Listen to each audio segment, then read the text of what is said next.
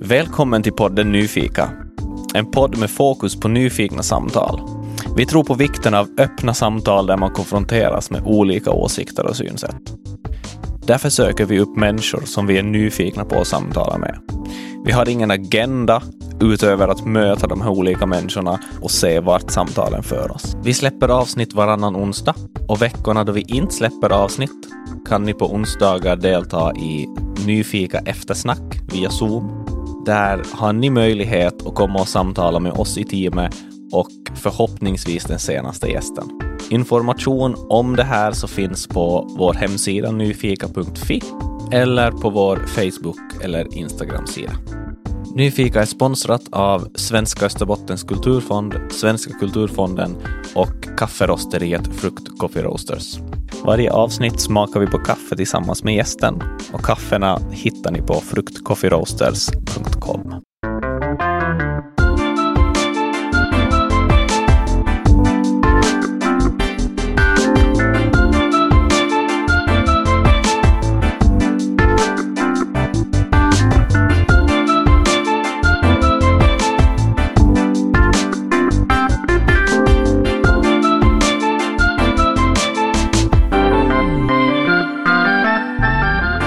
Dagens gäst här i Nyfika är vaccinmotståndaren Linda Karlström. Välkommen hit. Tack så jättemycket för att jag fått komma. En eh, stor orsak varför vi gör den här podden är ju för att vi verkligen tror på att, att vi behöver kunna särskilja på en person och möta en person eh, och, och se det som en skild sak till att eh, liksom, den personens åsikter.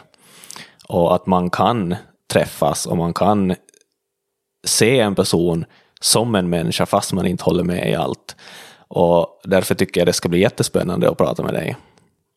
Och jag vill jättegärna prata om dina erfarenheter med um, vaccinkrigarna, den här dokumentären i SVT där du blev uthängd.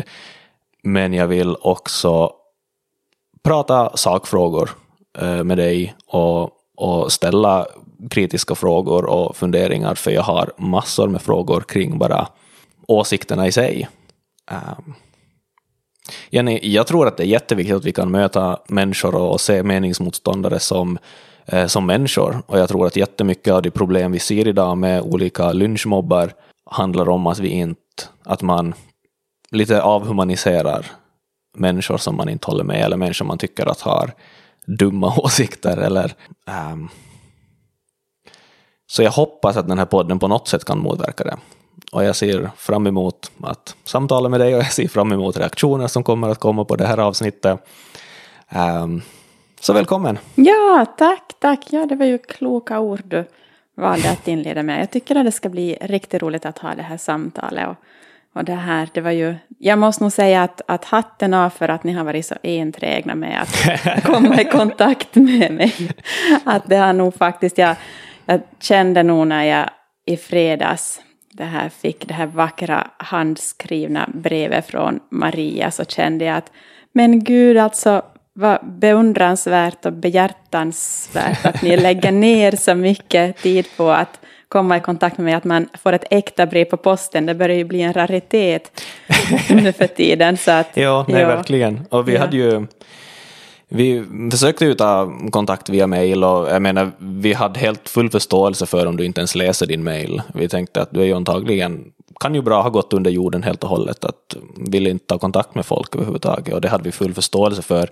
Men sen när vi så tänkte vi att men nu har vi provat på alla sätt vi kan Tills vi bara insåg att nej men ett brev, vi har, ja. om, om hon ändå inte läser sin mail så hon får väl ändå mail, alltså post.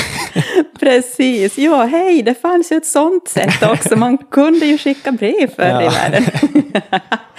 ja, nej men grejen var den att jag läste nog när ni skickade det här första mm. mejlet åt mig, men att Alltså mailfloden var enorm, så jag bara mm. drunknade i allting. Och, och det här, och i och med att inte jag var bekant med er från förr och inte riktigt visste, alltså det är ju klart att man Nej, har ju, exakt. man har ju skölden uppe på ett annat sätt efter att Absolut. man har blivit vallraffad på det sättet som jag blev. Så, så det här, så då, då liksom, det lämnar nu bara där och beror. Det fanns någonstans i mitt huvud och sen så skickade ni på nytt via min sajt en kontaktförfrågan Mm. och påminde att har du fått det? Och jag tänkte oj, jag borde nog som ta, ta tag i det där. Och sen kom det via någon väninna som hade någon gång arrangerat någon föreläsning med mig, så jag gissar att ni hittade hennes mailadress via något sånt här gammalt där man kunde Eh, Jag tror Ja. att jag hittade någonstans på något, alltså bara då jag googlade runt så såg jag något kontaktformulär där man kunde anmäla sig till någon kurs. Så jag tänkte, men Ja. kanske det där Ja. går fram. Nu. Och hon skickade direkt åt mig och då tänkte jag nog så här, nej men hjälp, oj, nu måste jag höra av mig. Och då tror jag faktiskt det var väl då som jag tog tag i det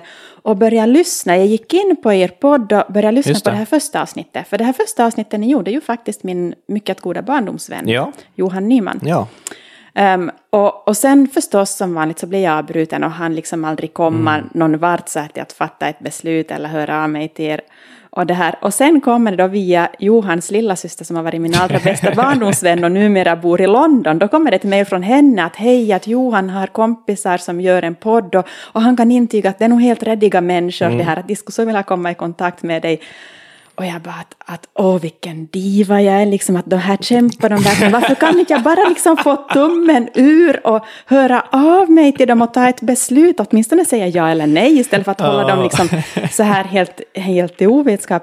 Och så kommer då det här brevet på posten och jag, då, då tänkte jag, ja men det var ju därför som inte jag hörde av mig. Det var ju för att jag skulle få det här fina brevet med den här vackra handstilen liksom att att det var ju det som var grejen. För nu har jag ju, nu har jag, det satt ju liksom guldkant på hela min helg när jag hade, jag hade haft fram det på, på köksbordet så jag fått se den här vackra stilen och bli påmind om att det finns så här snälla människor. Så det här, så ja, så nu är jag här. Härligt. Ja, den, den som väntar på något gott vet ni. Och det, då menar jag från båda hållen, inte bara från ert håll utan från mitt håll också. Grymt. Ehm, vi kanske börjar med kaffet då. Ja, Nu, nu har du alltså hållit oss eh, väldigt nyfikna på din relation till kaffe. För att du har inte sagt någonting, så Nej. dricker du kaffe alls? så här är det. Jag har eh, aldrig i mitt liv druckit kaffe. Så där liksom druckit kaffe, en, en kopp kaffe. Oj! Ja. Men jag är ju så ung ännu. Jag är bara 43. Naturligtvis, Jo. ja naturligtvis. Men eh, finns det en orsak? Jo, för att det är så äckligt. Ah, okej. Alltså nu, nu svär jag väl nästan i kyrkan när jag säger det. Nej, nej, nej. Men alltså, vänta nu. Om du inte har druckit kaffe, så hur vet du då att det är äckligt? Jo, det där var en bra fråga. Helt, helt befogad också. Faktum är att jag har nog smakat flera gånger med en tesked så här. jo, det okej, har jag okej. gjort. Och alltså orsaken att jag inte har tyckt om det när jag har provat åtskilliga gånger är att jag tycker det är som så starkt och beskt. Mm. Det är för mycket. För nu kommer ju det här intressanta. Jag tycker om kaffesmak. Jag tycker om cappuccinoglass. Helt Mhm, fantastiskt. Okej, ja. Jag tycker om liksom eh, choklad som har någon slags mockafyllning och kaffesmak i sig. Och nu har ju då min väninna fullständigt det här senaste året kanske dragit ner mig i någonting som vi kallar för chokocappuccino-träsket. Så det här, ni vet när man köper de här riktigt ohälsosamma färdiga pulvren som man spiller i en kopp och så häller man kokande vatten på och rör om. Så här sockrigt och sött och det, det är lite kaffesmak nog också där. Men det är jättegott. Och nu var jag på café i helgen med henne och då beställde jag en mockalatte och var lite så här att mm, nu börjar jag liksom röra mig utanför min, min bekvämlighetszon när jag beställer en mockalatte. Men den var god. Så det, det som är så spännande nu, nu har inte jag smakat riktigt kaffe på flera år. Vad kommer att hända nu? Vad kommer att hända nu? Och det här är ju dessutom, alltså det här är ju typ bland det bästa kvalitetskaffe som finns. Oj, oj, oj. Oj, oj, oj. Är det här dagen när jag kommer att börja tycka om kaffe, tror ni? Potentiellt, men det kan också vara dagen då du inser vilket skräpkaffe vi vanligtvis dricker i Finland. Nu alltså.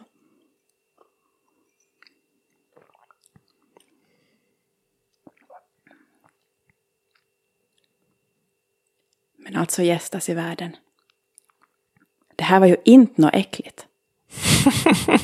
Nej men riktigt på sant. Det var ju varken starkt eller beskt. Nej, Nej men jag måste ha en klunk till.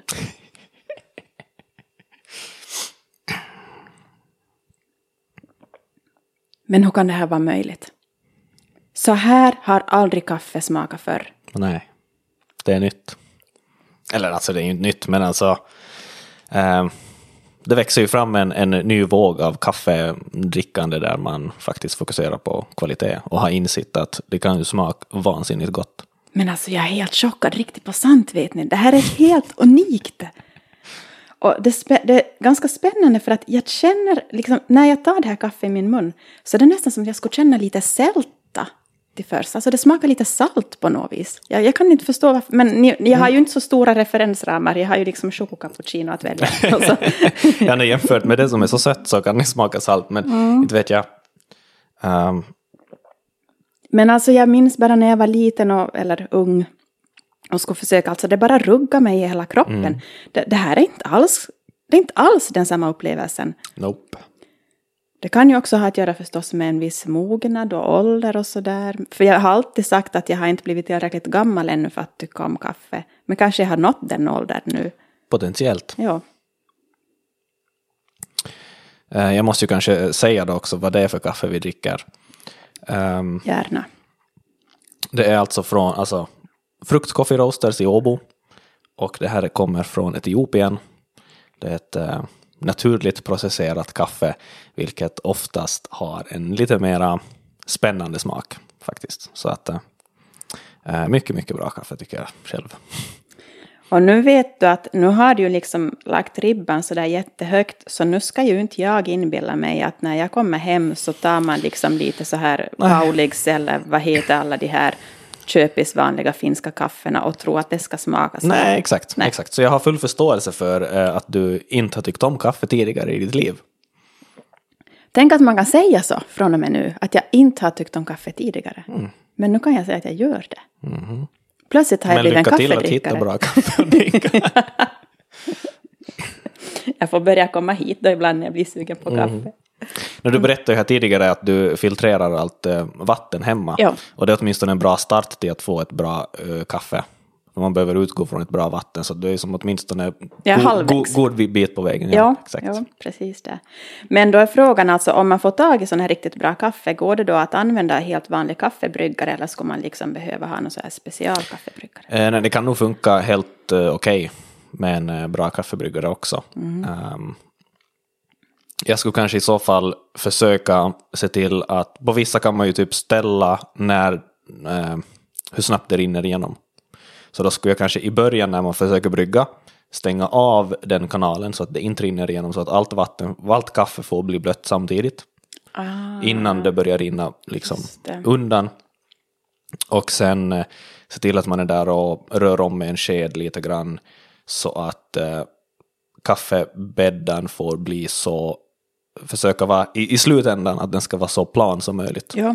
För att bilda det, bildas det en liten krater i bädden med kaffe eller någonting så betyder det att det inte har blivit helt jämnt eh, extraherat.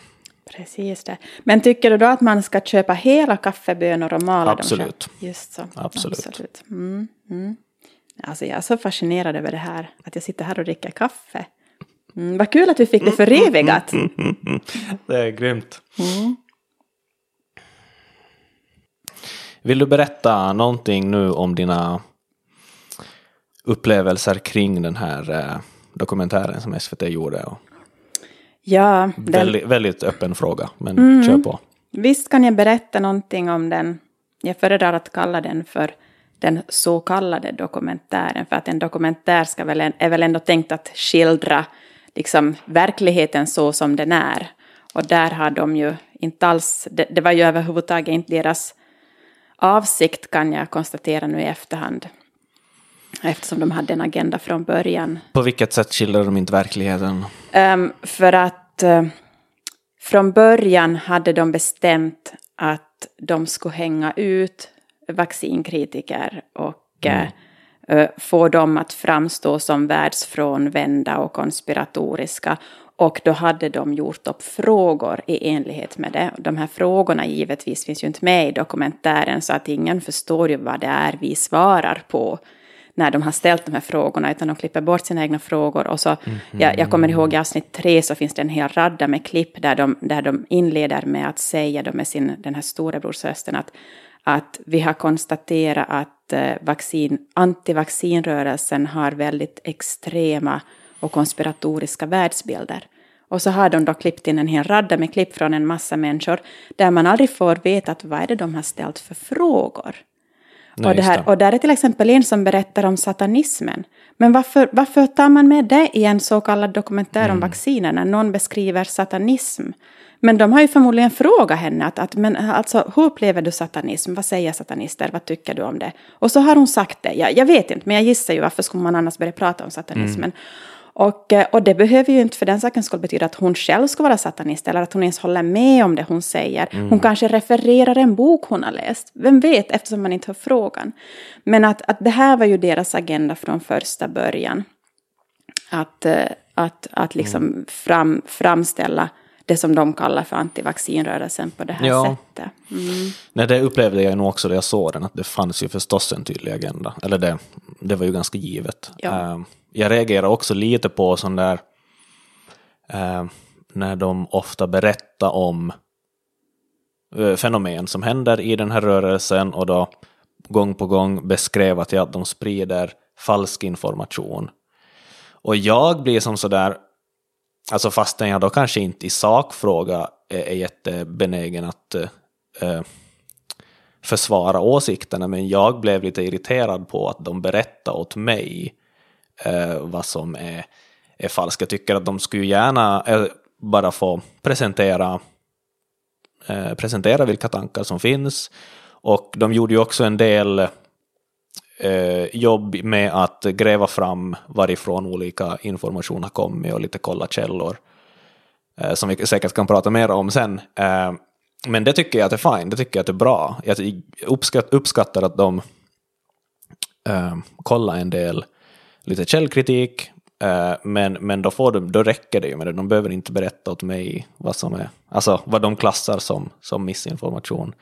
Eh, Eh, Nej, det det där- var sådana saker som gjorde att jag lite reagerade på en sån vinkling också, men, men i det stora hela, för mig var det små detaljer i vad jag såg. Men, Ja, nej men det där reagerade jag på strax när jag såg första avsnittet, för där inledde de allting med att säga att det är en rörelse som sprider falsk information. Liksom i de här första minuterna på intro till första avsnittet. Så där genast så såg man ju vad de hade för vinkling. Och jag tycker att, att när vi pratar om, om statstelevision så är det inte deras uppgift att tala om för tittarna vad, de ska, vad som är falskt och vad som är sant, utan det tycker jag att tittarna själva ska få avgöra. Att vad, tycker, vad anser man själv vara sant och falskt här?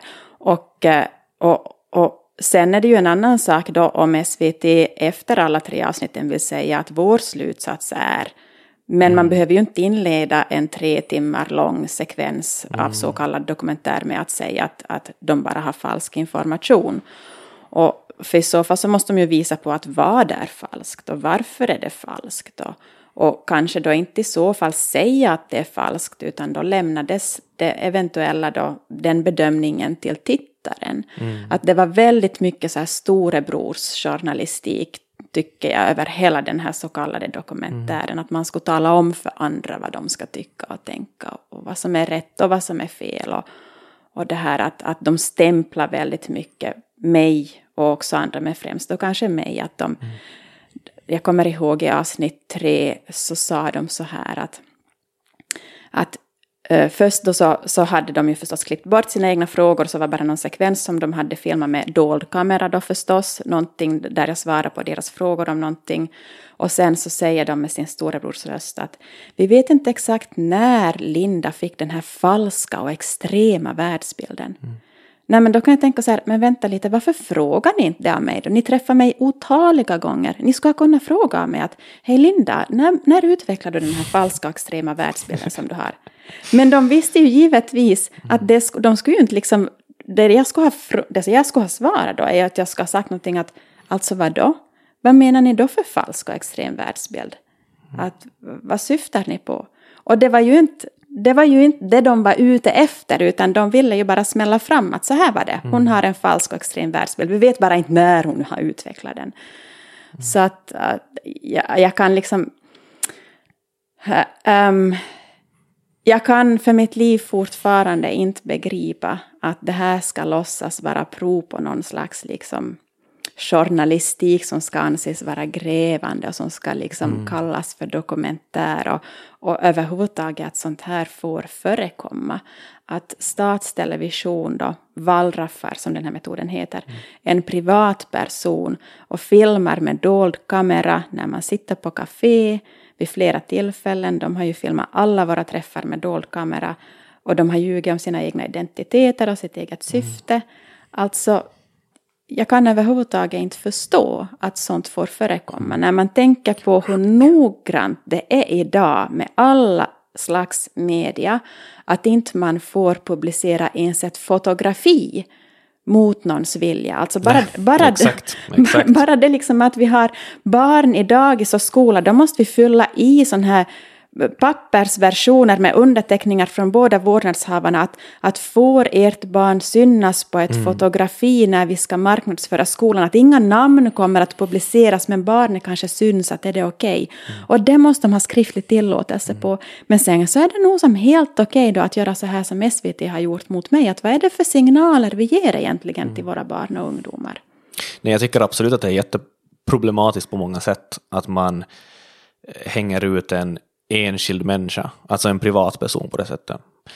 Jag tycker att den här metoden att, att infiltrera en rörelse eh, för att kunna visa liksom hur den här rörelsen ser ut, eh, det, det ser jag som ett ganska viktigt verktyg för journalister att ha på ett sätt.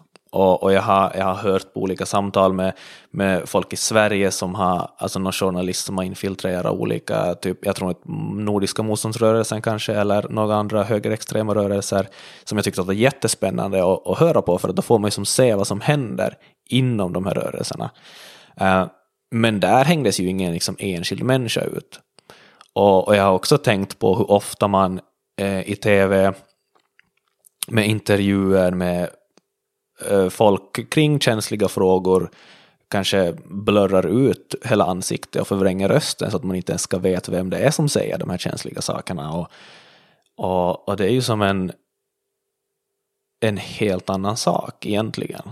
Um, så, så jag tycker om, jag, jag tycker att den här dokumentären gjorde ett bra jobb på det sättet att de lyckades infiltrera på ett sätt för att man, man fick se, och jag, jag, jag kan se en viss eh, samhällsnytta i att man liksom får, får se hur de här rörelserna ser ut. Eh, sen kanske vi kan diskutera om hur du tycker att de visar upp den bilden förstås, men eh, men, men jag ser det som en jätte, alltså frånskild sak, helt annat än att man hänger ut en enskild människa som jag tycker att är ganska ja, förfärligt. Precis. Jo, alltså, just den här metoden, wallraffning, det kommer ju från en, en människa som heter Günther Wallraff som, som myntade den här metoden. Ehm, um, wallraffning ska ju användas i speciella syften och det är ju, det är ju, alltid, det är ju en kontroversiell metod. Det heter att wallraffning får användas eh, för att avslöja brottslig verksamhet. Alltså betyder wallraffning att man Wallraffning ljuger är om sin identitet? att man ljuger om sin identitet, man säger inte att man är journalist, man berättar inte att man gör hemliga inspelningar. Det är det som är wallraffning. Okej. Um, och det, här, det heter att man får göra det för att avslöja brottslig verksamhet. Uh, och här, ett praktexempel på det är ju kanske om, om ni någon gång har sett från Sveriges TV4, tror jag det är när de har det här fuskbyggarna. Och, och där är det ju jättebra att man avslöjar de här, de här fuskbyggarna verkligen, för det är ju brottsligt. De lurar ju folk på pengar liksom på ett brottsligt Yes, sätt. yes. Och sen så heter det att man får använda wallraffning um, när det är uh, olika rörelser som är helt slutna för övriga samhället. Alltså de håller på med en så, så att säga Som en sekt. En sekt, exakt praktexemplet. Och ofta inom sekter så förekommer ju allvarliga missförhållanden som då är på gränsen då till brottsligt. Att det kan ju vara mycket barn som far illa inom de här sekterna. Och, och så där, och man begränsar de mänskliga friheterna och rättigheterna och så där.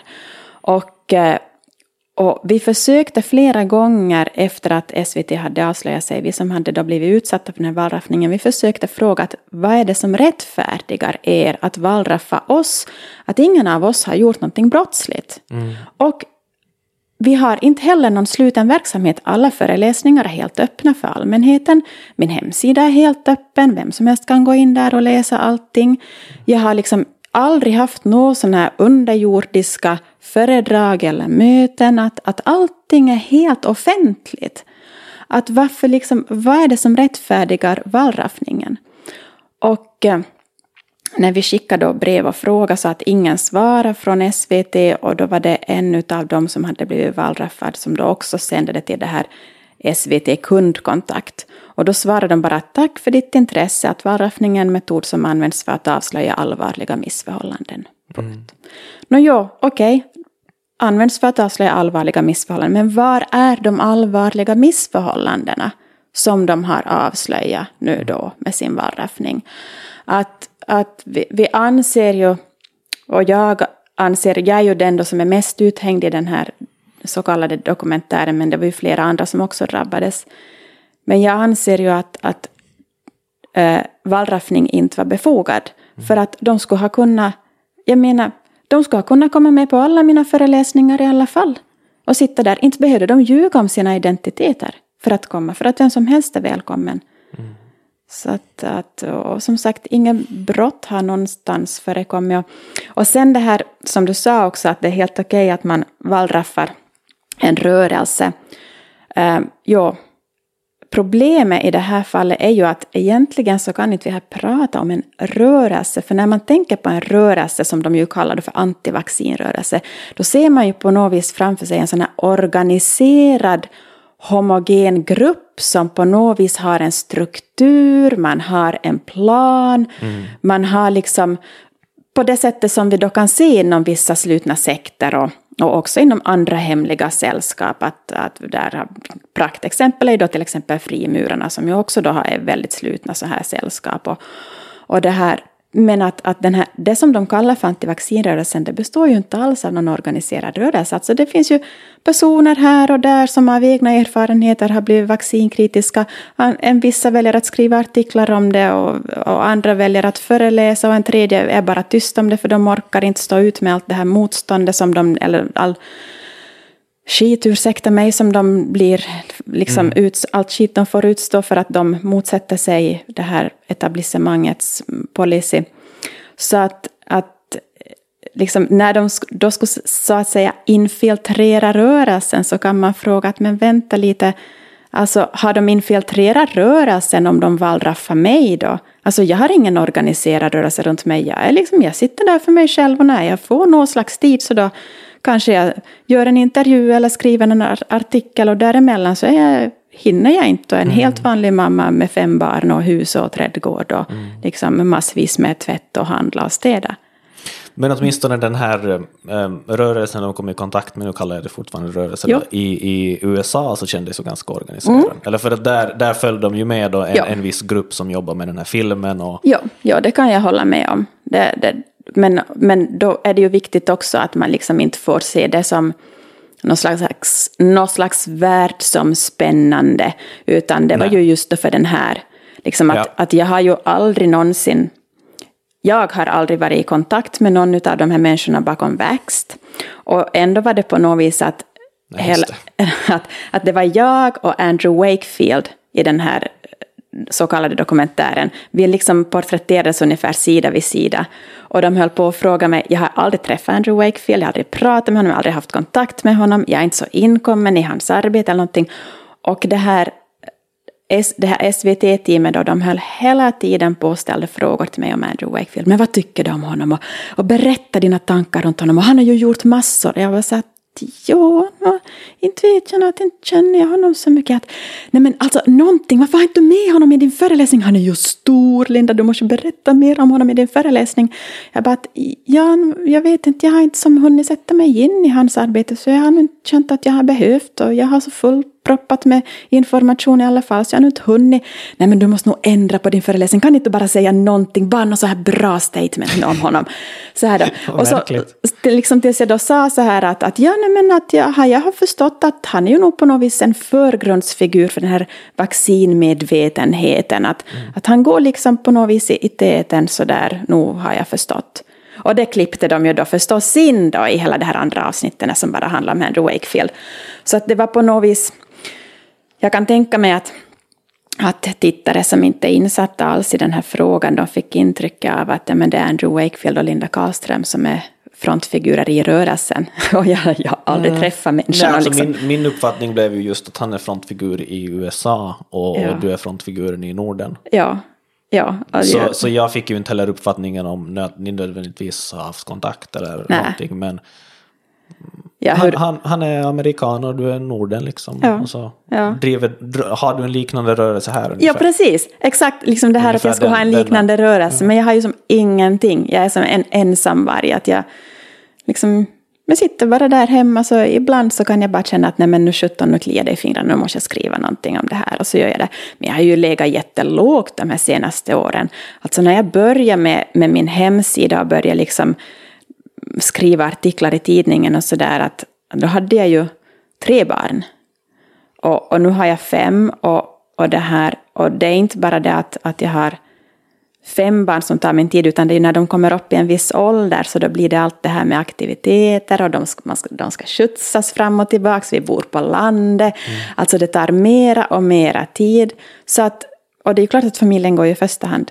Så att så det kan ha gått ibland ett år utan att jag har skrivit en enda artikel eller gjort någonting. Och nu har jag ju inte heller haft några föreläsningar på väldigt länge just på grund av, alltså det är ju över ett år sedan jag har haft någon föreläsning nu och mm. på grund av det här corona-lockdown. Så att jag skulle ju inte påstå att jag är liksom aktiv egentligen. Och framförallt så tillhör jag ju verkligen ingen rörelse. Jag har ingen runt omkring mig. Det finns ingen så organiserad rörelse mm. som jag är någon del av. Nej, just det. Uh, det var en sak av det som du just sa som jag ville prata om. Nej, mm. du, ja, för att du sa om, om den här metoden att den kan användas för att infiltrera slutna kretsar.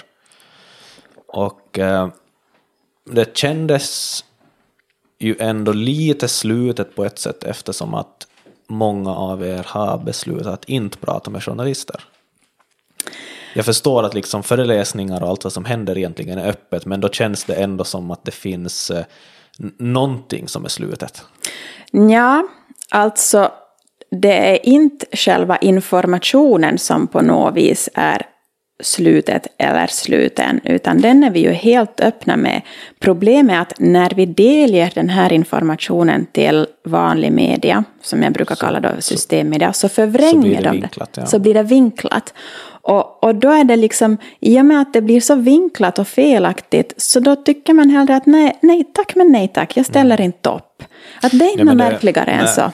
Nej men det, det kan jag mycket väl förstå. Och jag menar det är ju vanliga privatpersoner, alltså som inte har extremt annorlunda åsikter än mainstream brukar ju tycka att de ofta vill läsa igenom vad en journalist har skrivit utgående från en intervju just för att det ofta blir vinklat på ett eller annat sätt. Så att om man ja. dessutom har en, eh, en åsikt som man kanske har skäl att tro att journalister gärna vill vinkla på något sätt så det, det är inte svårt att liksom... Nej, nej alltså det, det liksom förklaringen är väldigt, väldigt enkel och simpel varför, mm. varför vi är få som ställer upp för, för liksom vanlig systemmedia. Och, och det som jag ju har varit med om så många gånger också, för jag har ju ställt upp väldigt generöst tidigare.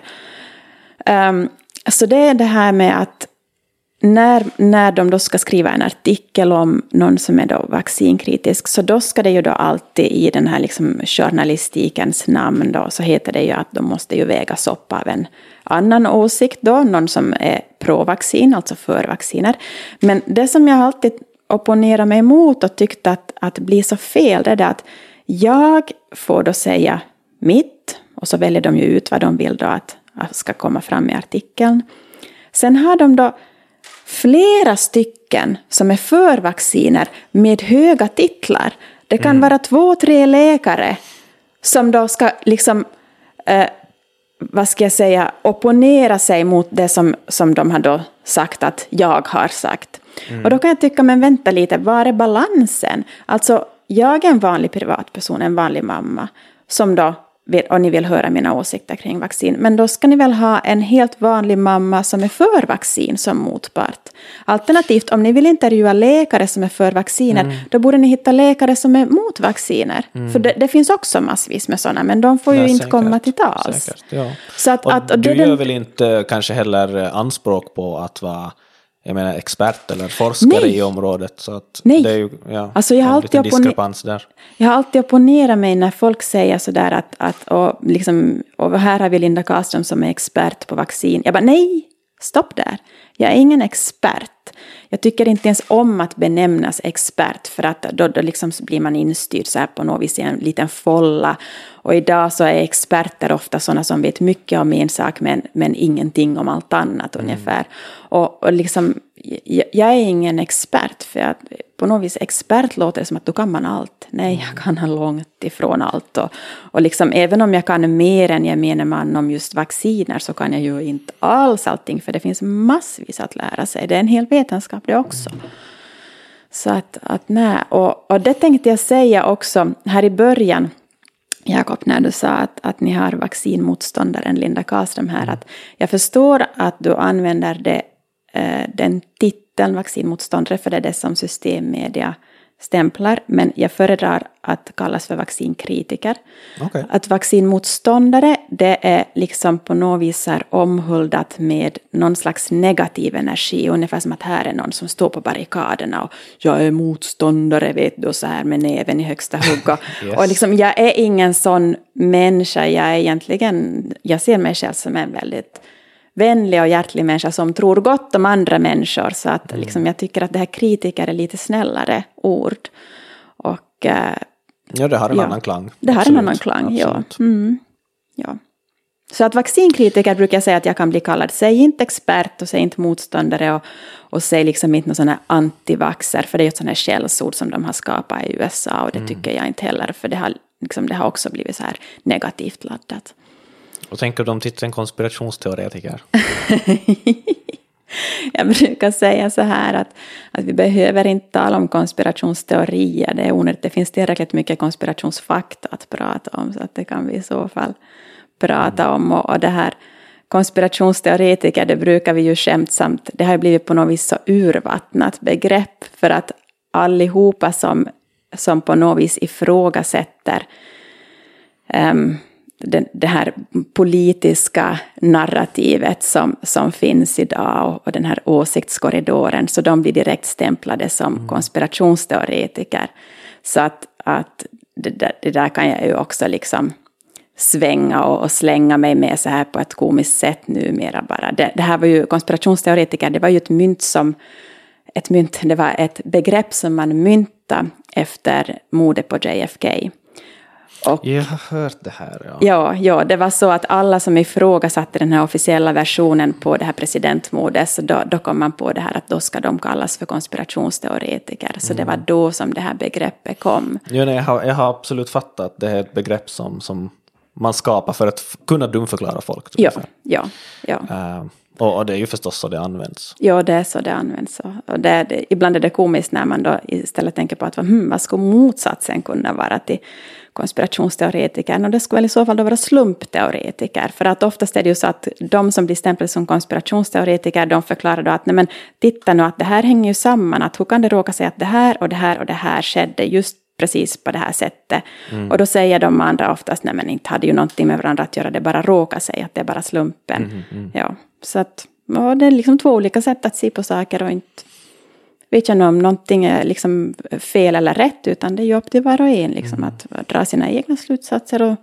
vad man själv tycker att resonerar bäst inom en sådär sanningsenligt. Mm. Okej, okay, men då, då tar jag upp ett exempel. Mm.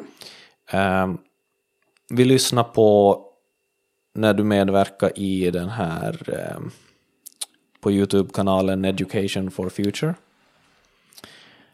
Um, på tal om då sammanträffanden och hur saker hänger ihop så, så nämnde du om, nu kanske jag hoppar lite konstigt i ordningen i samtalet här, men äh, du nämnde någonting om ja, men just att du tror att den här dokumentären Vaccinkrigarna kom ut väldigt lägligt och, och i princip planerat att det skulle komma ut i samband med, med covid-19-utbrottet eftersom att det också är planlagt någonstans ifrån.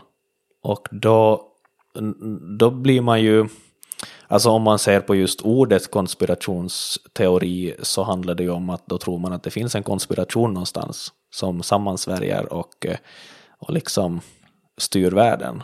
Och, och det är ju lite det du tror då. Jo, alltså jag tror inte att, att saker och ting sker av en slump just när det handlar om sådana här större världsskeenden som vi ser här mm. nu. Utan eh, jag tror att det finns en, en plan bakom och, och, nu vill jag vara väldigt noga med att säga att det här är ingenting som jag personligen har suttit hemma i ett mörkt rum med fördragna gardiner och konspirerat mig fram till. Det var ju så de försökte framställa det.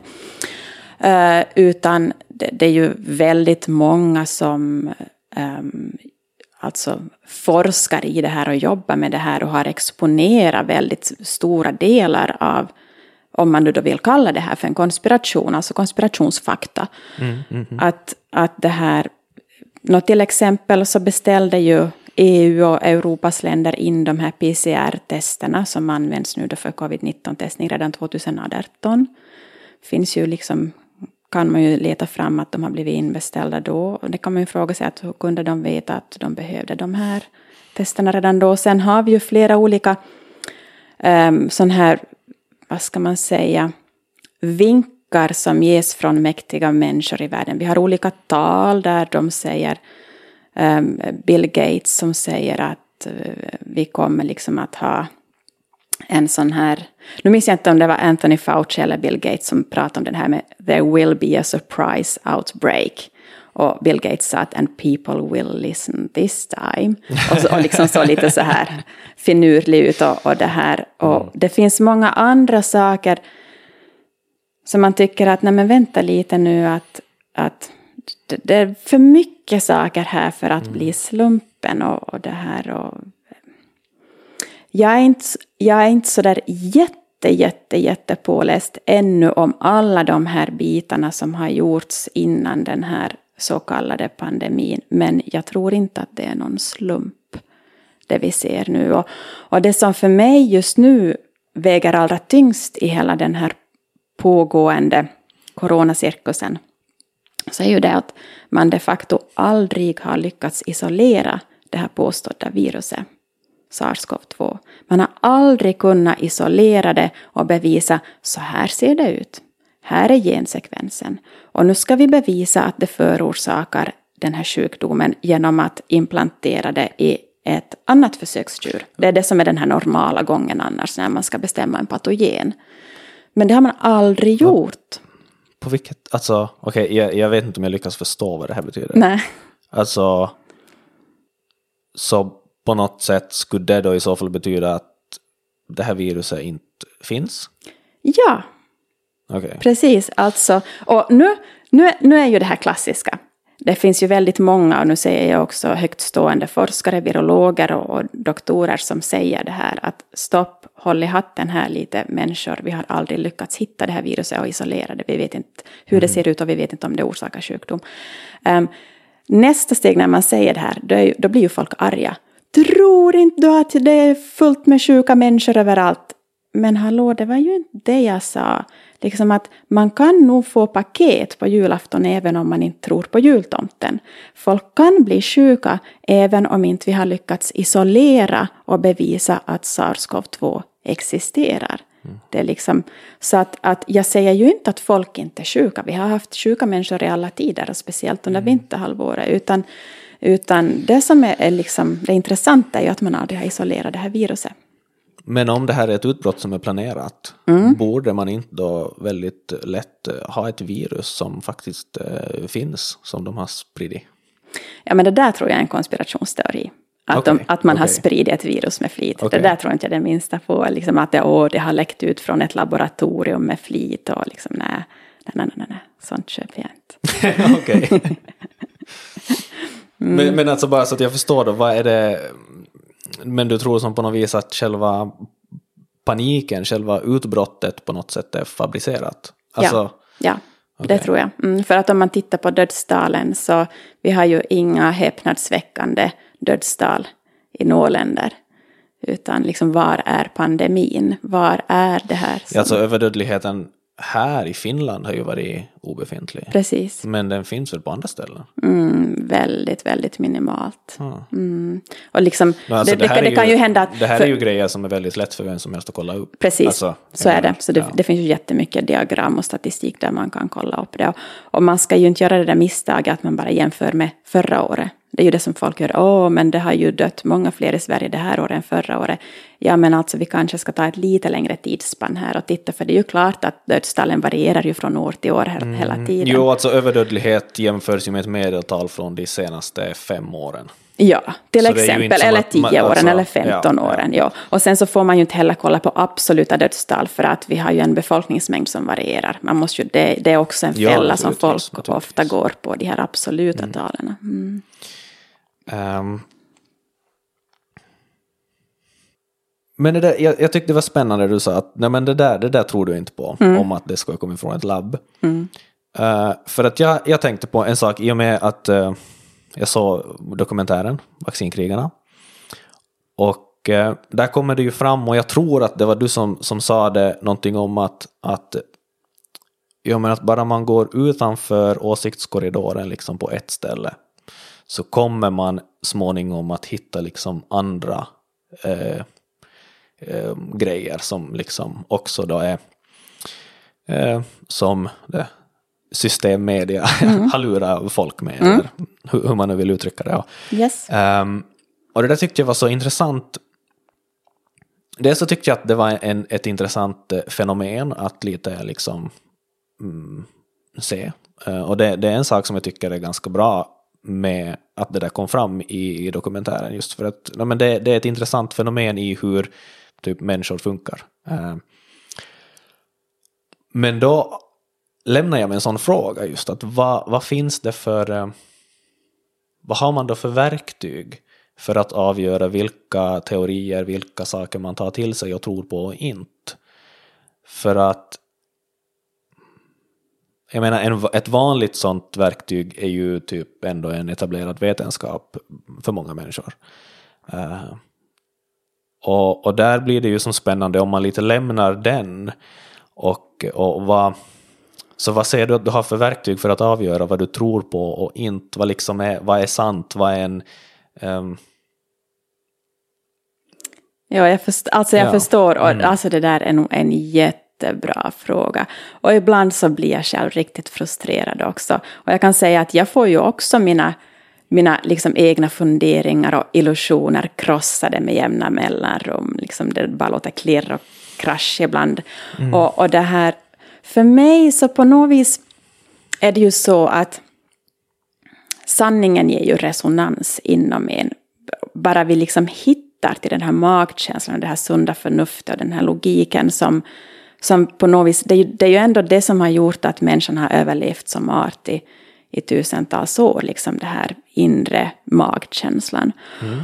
Och det är på något vis den som jag vill komma tillbaks till, att, att vi ska följa och, och tänka att kan det här stämma och kan det här inte stämma. Men det är jätte, jättesvårt för att vi har, vi har blivit lurade med så mycket.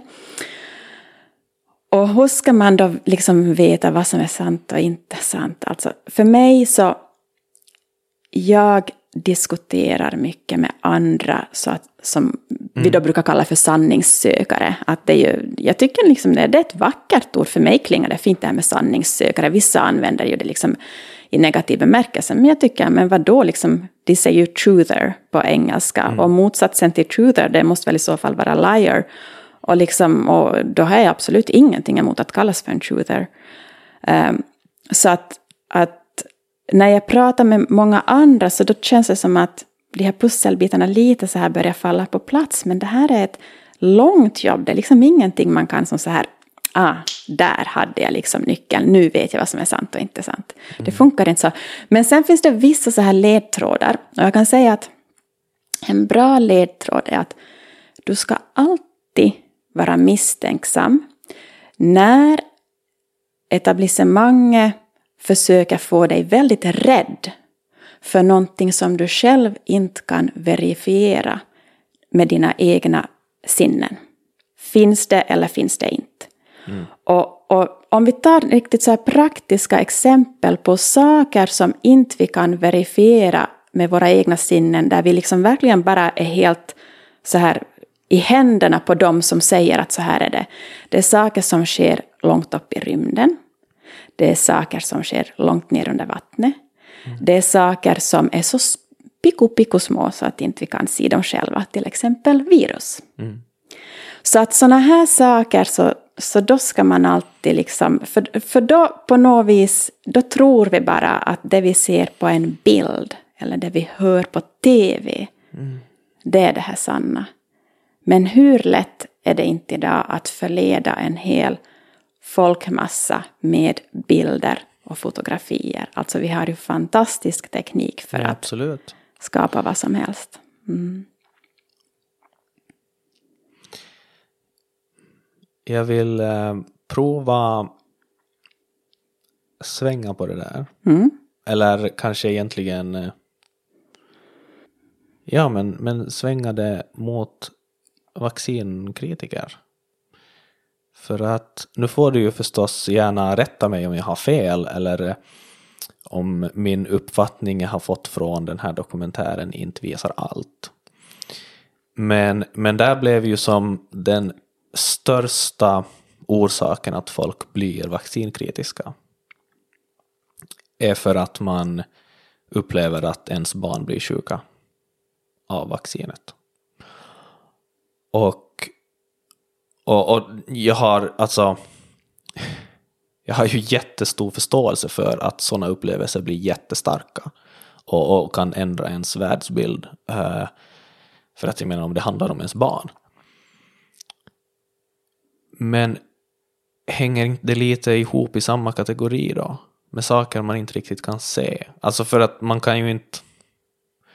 Om inte man jättetydligt vet exakt att det är vaccinet? Alltså, jo. Eller hur vet man då att det är vaccinet Men på ett tänk, sätt som man kan se? Om du tänker så här, vem är det som känner sina barn eller sitt barn bäst? No, det är ju rimligen föräldrarna, Absolut. vårdnadshavarna. Så ser man att man har ett barn som utvecklas normalt, alltså det vill säga ungen mm. liksom lär sig prata och lär sig gå vid den här normala åldern och, och söker ögonkontakt och, och sådär. Och barnet har inte något no fel eller liksom no, någonting som skulle väcka oro. Och mm. så för man och vaccinerar det här barnet i enlighet med vaccinationsschema. Och den samma dagen så händer någonting. Barnet börjar skrika, kan skrika flera timmar i sträck, det får hög feber, det börjar krampa. Sen så liksom blicken blir frånvarande, barnet går in i sig självt, det tappar sina ord, det kanske tappar sin motoriska förmåga, slutar att gå och så vidare. Eh, de som ser det här och observerar det här, det är ju föräldrarna. Absolut. Ja, de ser ju det med egna ögon. Um, och de går till läkaren, experten, och säger mm. att någonting är fel med mitt barn. Ingenting var fel innan vaccinationen. Det blev fel efter vaccinationen. Mm. Jag misstänker att den här vaccinationen har påverkat mitt barn negativt. Då säger läkaren, nej, nej, men vaccinet kan inte göra orsaka sådana saker. Det har ingenting med vaccinet att göra. Det är bara en, en, en, en tidsmässig slump att det blev så där. Okej om det bara skulle vara en enda familj eller två stycken familjer där det här skulle hända eller några till. Men nu händer det här i tusentals familjer i alla olika delar av mm. världen. Och det, det är där som jag liksom, du ser det här skillnaden när jag försökte säga det här med slumpteoretiker ja, och konspirationsteoretiker. Absolut, absolut. Och här, ser, här menar jag ju det här att här kan ju föräldrarna själva observera med sina egna sinnen. Det är de som är närvarande i mm. barnens liv hela tiden och ser den här förändringen. Absolut, men mm. kausaliteten kan man ju ändå inte observera. No, alltså, alltså jag menar man kan inte observera vad vaccinet gör i kroppen, eh, vad som nej. händer på en biologisk nivå, mikrobiologisk nej. nivå och så vidare. Och, nej, det kan man inte. Men å andra sidan... Så det, så det är ju på samma nivå som viruset på det sättet.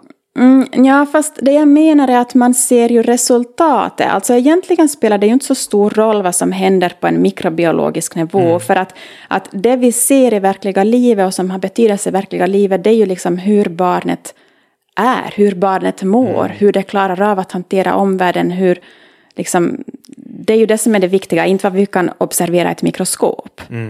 Att, um, jag menar, det viktiga är ju inte heller att, att läsa väderleksrapporten, det viktiga är ju att titta ut genom fönstret. Och, och, om, om det är soligt där ute och det visar regn på väderleksrapporten, är det då väderleksrapporten som är fel eller är det väder där ute som är fel? Mm. Att det, är ju, det är ju där vi måste liksom våga se verkligheten. Att, men vänta lite, även om det visar under ett mikroskop eller i den här vetenskapliga kliniska undersökningen att inga skador ska kunna ske, så har vi här tusentals barn i alla olika länder där vi har föräldrar som vittnar om att det här sker. Att kanske vi borde liksom rita om kartan lite och inte bara säga att det är fel på terrängen.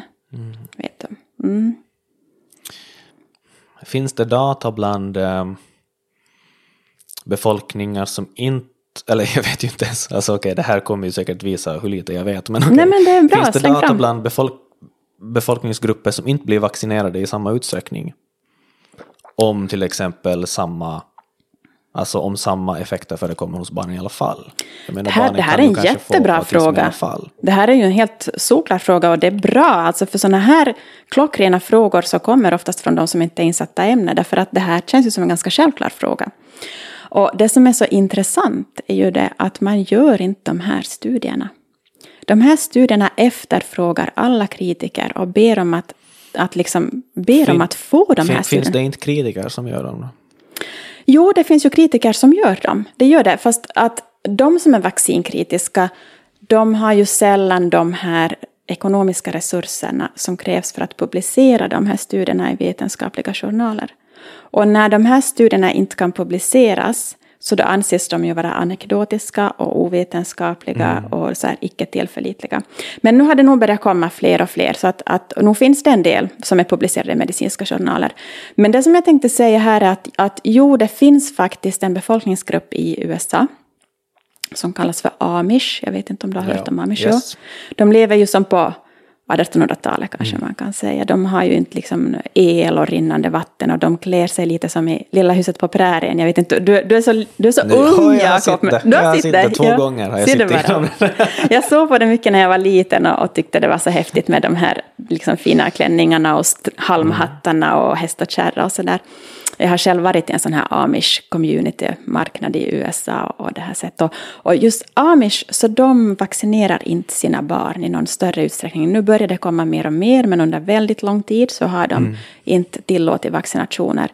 Så att där har vi ju ett intressant jämförelseunderlag. Och mm, faktum mm, är att, att när vi har haft sådana här undersökande journalister som då på eget bevåg har liksom gjort så här månadslånga undersökningar bland mm. amish befolkning. Så det finns ingen autism, det finns inte de här liksom, moderna sjukdomarna som allt fler nu börjar märka att hänger samman med vacciner och som det kommer mer och mer forskning på. Mm. Så det är ju lite intressant att var är alla autistiska amish barn och ungdomar? Mm. För de finns inte. Alltså de frågor som väcks hos mig blir ju dels uh, um, jag, jag, kan tänka mig att det är mycket annat i deras livsstil också som mm. är mer hälsosamt. För att jo. de lever på ett helt annat sätt. Helt uh, sant. Och, och, det är också en, en, van, en, en, vanlig aspekt som en lyfts fram. Sak. Sen blir jag också så här, eftersom att jag gärna ser uh, statistik och gärna ser liksom förhållande i, i, i skalor. Så, så skulle jag gärna se, se siffror på, alltså just dels eh, hur utbrett det här problemen med vaccinerna är, eh, just som i relation till den mängd som blir vaccinerade. Och se den liksom, det, det förhållande, den skalan också vad gäller då Amish-gruppen. Eftersom att de, nu vet jag ju då inte hur många de är i USA. Jag vet inte men, heller totalt men, sett. Men förstås väldigt liten grupp jämfört med liksom globalt sett alla som blir vaccinerade. Um, så det är ju kanske möjligt i den proportionen kan jag tänka mig att, att problemen blir nästan obefintligt små i en liten grupp. Ja, men alltså, alltså om... jag, jag, tänker ju högt här. Jo, jag, jag förstår. Jag men helt, liksom... Absolut. Alltså, uh, idag ligger ju um, autismens utbredning i USA på en på, ja, det är en på 32 som är autistiska i USA. Mm. Så det är ju väldigt, väldigt mycket. Och man, den här kurvan, den här utvecklingskurvan som, som man har följt med då i kanske 20 års tid. Um, så att om, om man då använder den här matematiska formeln som uppstår när man tittar på den här kurvan så visar det att om tio år så kommer vartannat barn att vara autistiskt i USA. Så du vet att när en på 32 ska, ska vara, ha en aut autismdiagnos och när man då undersöker en, en amish community som då kan bestå av kanske 20 000 Mm. Jag tror att det var någonting sånt i den här undersökningen som har gjorts. Och man, man hittar då bland de här den här 20 000 så hittar man då fyra stycken och det visade sig att en hade blivit adopterad från Kina och hade fått en massa vacciner då innan hon kom. Och de här andra två eller tre då, för nu vet jag inte om de var tre eller fyra totalt, de hade blivit exponerade för enorma mängder eh, kvicksilver för att de hade bott vid något industriområde där det var enormt mycket kvicksilver. Så att, att någonstans där nog så borde det ju ändå räcka till ett ifrågasättande. Och då tycker man så här att men hej vänta lite, de här, de här läkemedelsbolagen som sitter på en massa, massa pengar och som skulle liksom kunna rent få sitt rykte väldigt, väldigt effektivt med att utföra en sån här studie Helt ovaccinerade barn mm. kontra fullvaccinerade barn. Titta på hälsostatus, titta på resultaten. Mm. Gör det så slipper ni ha att dras med allt vad antivaxxers och vaccinkritiker heter. Mm. Men varför gör de inte då? Det ska vara världens enklaste grej för dem. Men de gör inte. Nej, det där är ju alltså en av de orsaker som gör att jag kan vara helt liksom öppen för idén att det kan finnas uh, problem med vaccin eh, som inte kommer fram för att jag förstår att okej, okay, det är enorma liksom pengaintressen som är involverade förstås. Och, och det gör att jag, jag kan liksom bra förstå att ja, men helt klart finns det problem med vacciner som inte riktigt får komma fram och som blir nedtystade. Det, det, det har jag som inte svårt att tro egentligen. Sen i vilken utsträckning det här eh, rör sig, det, jag menar jag har inte satt mig in i det och, och jag har alltså, jag har ändå svårt att tro att jag personligen skulle landa i att bli kritisk till all vaccinering. För att det har ju ändå fått bort en massa sjukdomar som dödar miljontals barn. Alltså... Ja, men ser du där, och det, det, är liksom, det, det är ju där som man måste våga Um, mm. Våga pröva sig själv lite också. Och jag vill, jag vill understryka att mm. precis exakt det där så trodde ju jag också och var helt liksom på något vis trygg och lugn och viss i, i den insikten. Så att inte var det ju att jag ifrågasatte någonting när jag vaccinerade mitt första barn, tvärtom. Alltså jag var jättestolt över att hon fick alla sina vacciner precis mm. vid den tidpunkten de skulle få. Så jag till och med frågat om inte hon skulle kunna få något sån här nytt experimentvaccin och vara med i någon studie, för då skulle man ju få lite extra gratis vaccin tänkte jag. Och så där. Alltså riktigt på sant. Ja. ja, precis. Så um, det var ju inte förrän hon blev sjuk, alltså hon, hon fick tuberkulos av det här tuberkulosvaccinet.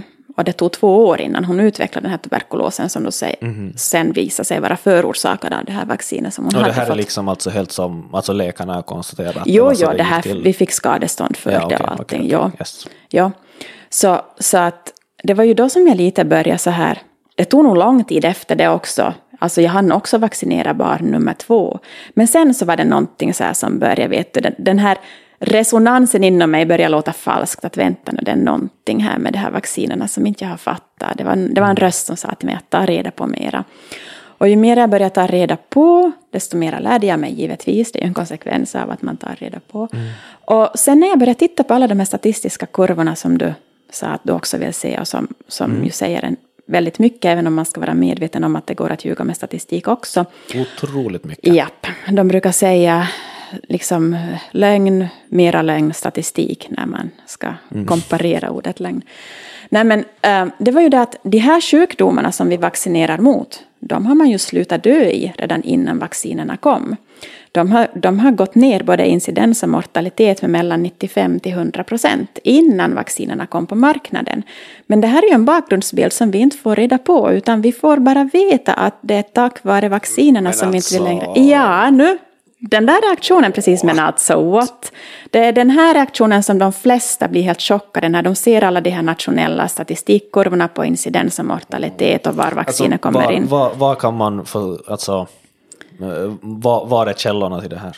Om no, det är ju, det är ju liksom olika för varje land förstås, de har ju sina egna. Att, att jag brukar ju i mina föreläsningar så har jag oftast Sveriges, jag brukar ha Finlands, jag brukar ta um, ofta England och Wales, det är väldigt lätt att få tag på dem. Och så brukar jag ta för USA, för att det är väldigt lätt att få tag på dem. Alltså det är ju lätt att hitta de här kurvorna när man kan söka på ett språk som man kan, eftersom de då är individuella för varje mm, land. De här, så därför brukar jag men men vad, vad är det för kurvor du hittar? Alltså, finns det... alltså det är kurvor som, som vi säger att, att sjukdomen, ska vi säga incidensen och dödstalet, börjar uppe i topp toppen, jättemånga då från 1850 till exempel, så, så dör av den här sjukdomen.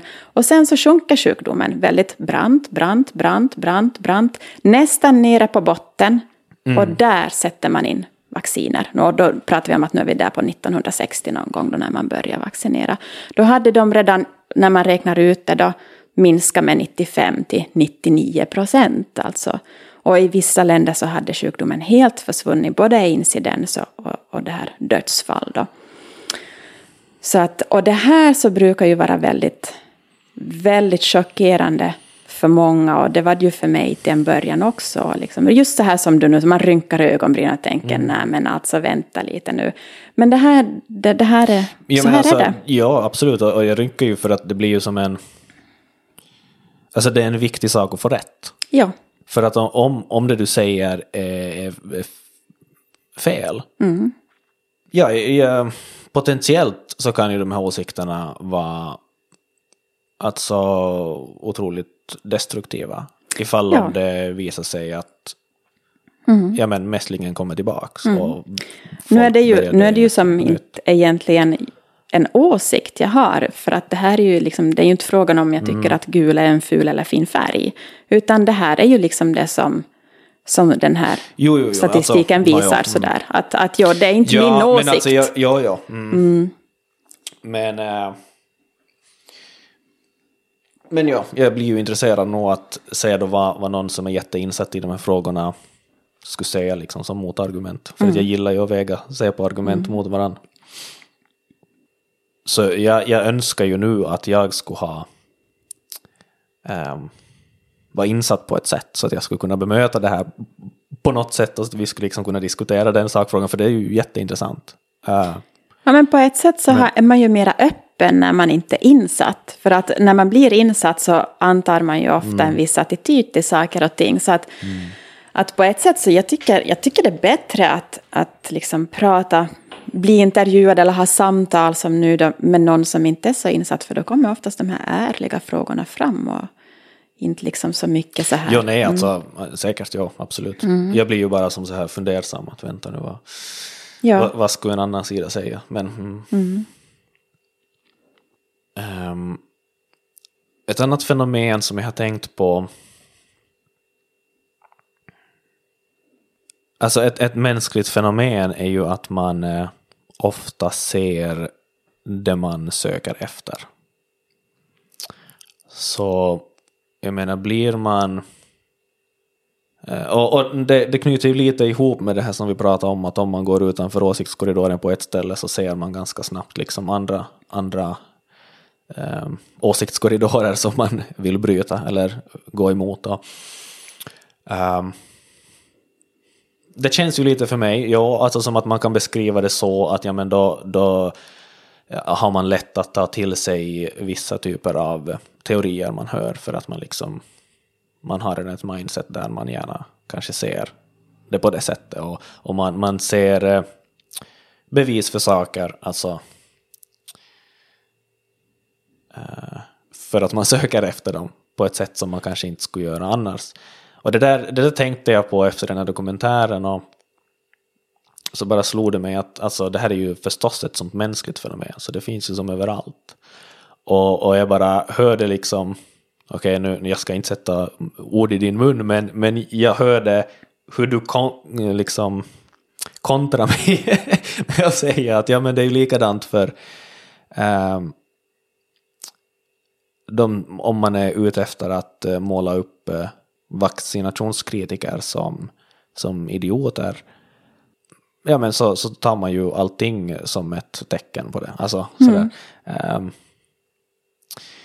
ja, alltså det du säger det är ju, det är ju liksom det är som du säger ett mänskligt fenomen och det är ju oberoende av vad man har för åsikter eller ståndpunkter eller tro eller vad man har. Att, att jag menar, det, så är det och det, det liksom måste vi väl acceptera och svårigheten ligger ju i att våga pröva sin egen övertygelse och att våga mm. röra sig utanför sin egen bekvämlighetszon. Och, och det här, om vi då talar om vacciner, så att för mig var det ju nog så till en början att jag ville ju verkligen inte alls tro på att det skulle kunna vara någonting skadligt med vacciner eller att det skulle kunna mm. vara um, någonting som inte jag har fått reda på.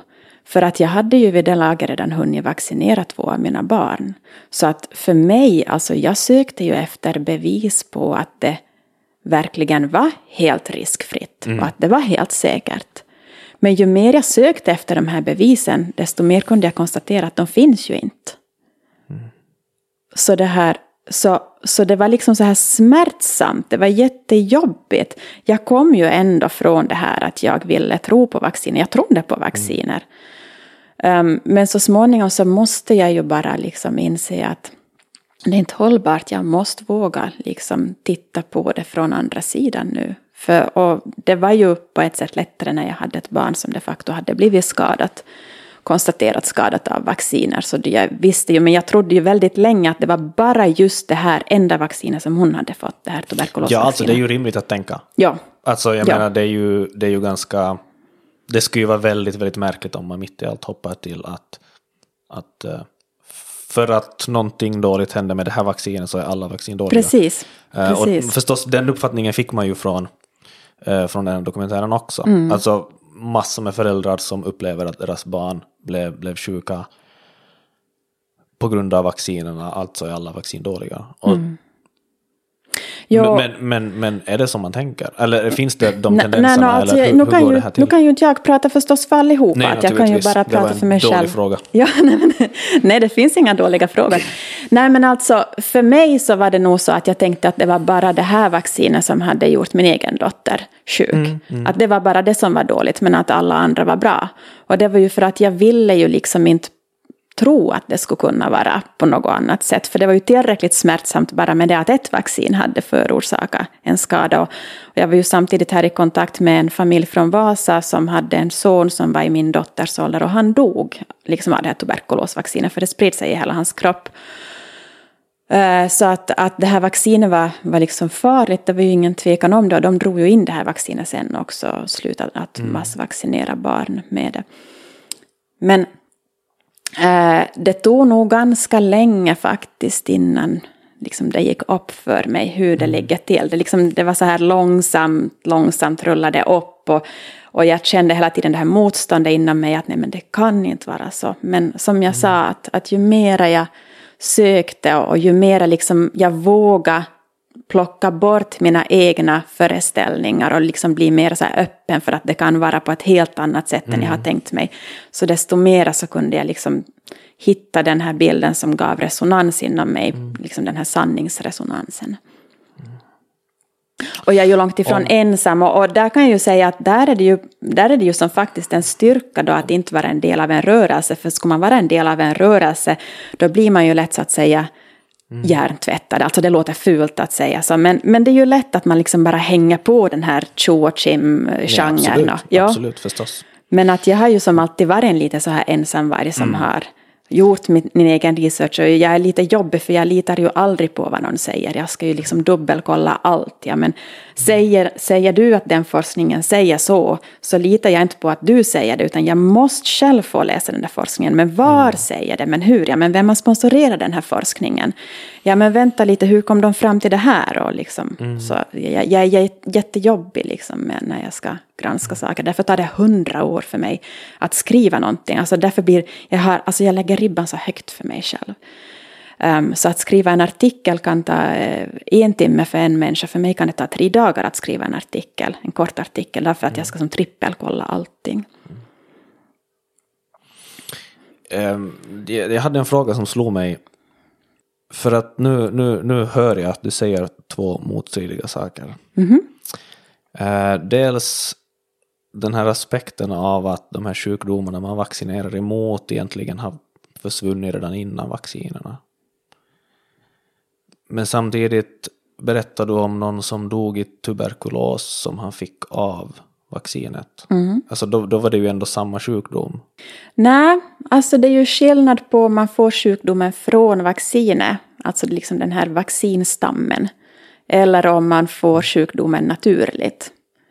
Så att när jag pratar om att han dog, han dog ju av vaccin förorsakad tuberkulos, alltså skulle inte han mm. ha fått de här tuberkelbakterierna i sig via det här vaccinet så skulle han inte ha blivit sjuk i det här tuberkulosen. Det, det här var ju ett levande vaccin, det var liksom tuberkulosbakterier som nyfödda injicerades med på BB.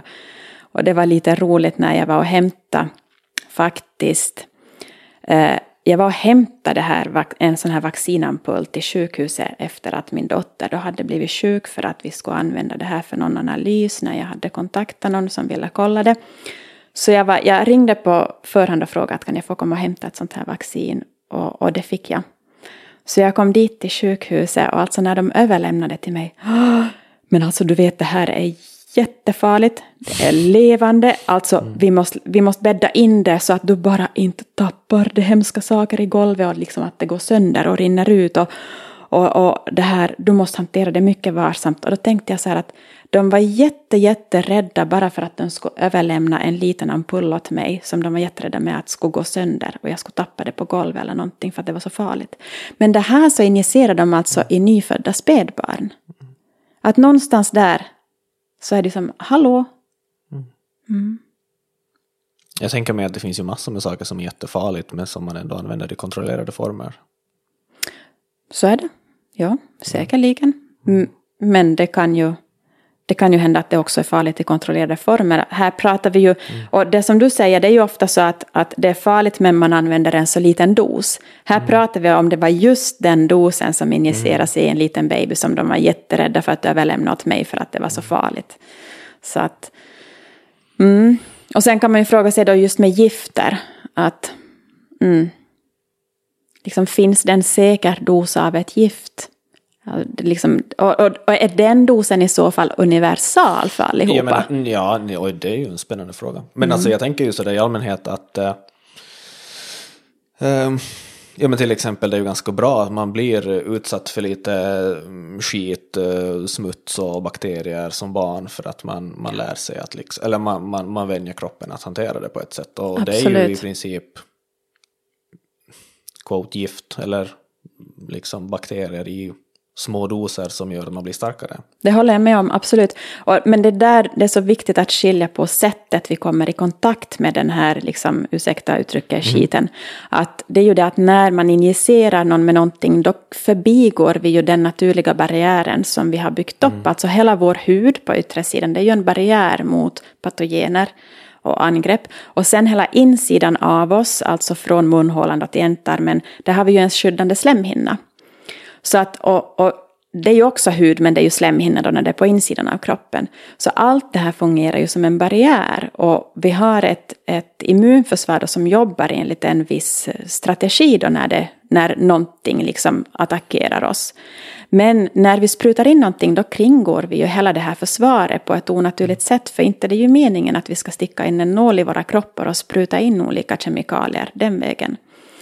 Så att det är ju det som, som är skillnaden mellan att konfronteras naturligt då med en massa skit som vi sa, eller att, att få det injicerat in i kroppen. Mm. Och det här, det är ju som sagt, alltså det kan vara livsfarligt att bara injicera lite mjölk i kroppen. För att det, mjölk ska inte komma in den vägen i kroppen. Men däremot så... Mm, säkert, ja. ja, kan vi ju som ehm, de flesta kan ju dricka mjölk. De hade ett, ehm, ett citat eh, av dig i den här dokumentären också när du pratade om, jag menar att dina barn har ju ett eh, naturligt skydd för att de inte har blivit vaccinerade. Alltså det här var, var något klipp från någon SVT-debatt eller just någonting. Det, där, blev, det. När, där de sa åt dig att men dina barn är ju inte skyddade och mm. du kontrar med, med någonting sånt. Mm, ja. uh, hur, uh, hur kan du veta varifrån kommer den informationen, eller den liksom tanken att de då naturligt är skyddade mot Nej, alltså inte menar jag, mässling då, inte menar jag på det viset att de skulle vara naturligt skyddade så att de inte skulle kunna få mässling eller, mm. eller liksom röda hund eller vad som okay. helst för sjukdomar. Det kan de ju få. Men det jag menar med det är ju det att vi föds ju alla med ett immunförsvar som visserligen inte alls är fullt utvecklat vid födseln. Mm. Det tar ju flera år att bygga upp det här immunförsvaret. Och jag vill nästan kanske påstå att det är en pågående process, men det har jag inga vetenskapliga belägg för, men det är en känsla mm. jag har. Men det här Um, det föds vi alla med, så vi har ju alla ett immunförsvar och det är ju trots allt det som vi föds med som har gjort att vi har överlevt för att eh, vacciner har ju inte funnits under någon speciellt lång tid mm. egentligen om man tänker på hur länge människan har existerat. Och det är ju det här immunförsvaret som jag hävdar och många andra med mig att att låt det här immunförsvaret utvecklas i lugn och ro utan att vi manipulerar det och utan att vi på något vis går in där i naturens gång och tänker att vi vet bättre än det här mm. naturligt medfödda immunförsvaret. Mm. Ja, och där blir det ju då för mig att sådär att okej, okay, ser man det eh, så att de här vaccinerna faktiskt har fått ner en massa dödliga sjukdomar eh, Eh, så, så då blir det ju som i, i, ganska klart för mig att det väger upp det. Alltså då är det värt det. Men då är frågan, uh, då, är det vaccinerna? Frågan vad, mm. vad, man, hur man förhåller sig till det som du sa med mm. att sjukdomarna har gått ner innan. Men mm. ja, nåja. Okay, jag vet inte vad jag ska säga om det där. Ja, kom, kom och sätt dig vid micken då. det är många häftiga grejer som händer idag. Jag börjar dricka kaffe och Maria går till micken. Okej. Okay. Ja, men jag vill bara säga det att jag råkar veta att det finns en, fanns en man på 1700-talet, slutet på 1700-talet. Eh, alltså det, det, här är ju bara en liten detalj nu i hela det här. Eh, som i princip utvecklade första vaccinet eh, mot smittkoppor. Han gjorde helt i misstag, men att han följde sin logik och han liksom började infektera barn med det här.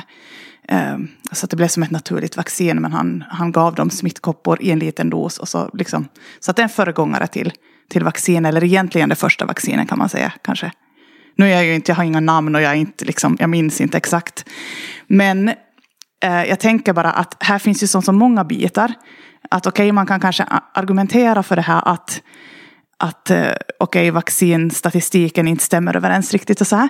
Men sen tänker jag samtidigt att det är ju helt tydligt att det finns eh, historiska belägg för när man forskar innan det fanns pengar i vaccinet för att den här människan fick inte ens pengar för det. Han gav bort det till de läkare han kände och blev själv typ utan. Alltså jag menar det, det var liksom eh, det var inga pengar där. Det fanns inga pengar i det. och där finns ju en, en, en liksom, det går inte att bortförklara att han lyckades få ner dödligheten bland spädbarnen liksom där. Alltså att det fanns en, de såg en korrelation mellan det här, att de, att de gjorde det här och att det, det hände någonting i samhället och folk blev sådär att wow, det här var ju, han fick massor med cred för det här för att det blev en jätte liksom upptäckt. Och, och, och det är klart att det finns många saker som hänger ihop. Dels det här att det finns, det finns helt historiskt sett saker som, som visar på att, att vaccinet hjälper, alltså sådana här slags vaccin. Nu vet inte jag med liksom sånt som är framställt i labb och jag känner ju inte alls till de här bitarna och jag, är inte någon, liksom, jag har inte läst på heller om detaljer med vaccin. Men som historiker så blir jag lite sådär att, att okej, okay, men, men att det finns liksom i historiska dokument helt belägg för när det inte har varit pengar inblandade, att sånt här förekommer. Och sen förstås så hänger det också ihop med att man får ner sjukdomar parallellt med det här att man börjar upptäcka att man kan göra så här för att skydda barnen. Eh, förstås blev hygienen bättre så småningom och det finns en massa annat också som spelar in. Så inte menar jag det, att det liksom allt handlar om vaccinen. Men, men jag tror inte att man helt kan liksom ta bort, eller jag tycker inte att man historiskt sett kan helt bara säga att, att det är humbug. För att som historiker har man lite svårt att hänga med på det där när man läser sånt. Alltså försöker granska vad som har hänt. Men det här är ju som sagt, jag är ingen vaccinexpert, men jag ville bara ge den lilla här. Jo, jo. Och, och det där är ju liksom en, en vanlig bild som man har just av det här smittkoppsvaccinet. Och, um, när, det finns ju en massa, massa böcker och, och det här, massa historiska dokument som du säger om det här också. Att det, det är så att det finns ju givetvis alltid en annan sida av hela den bilden också.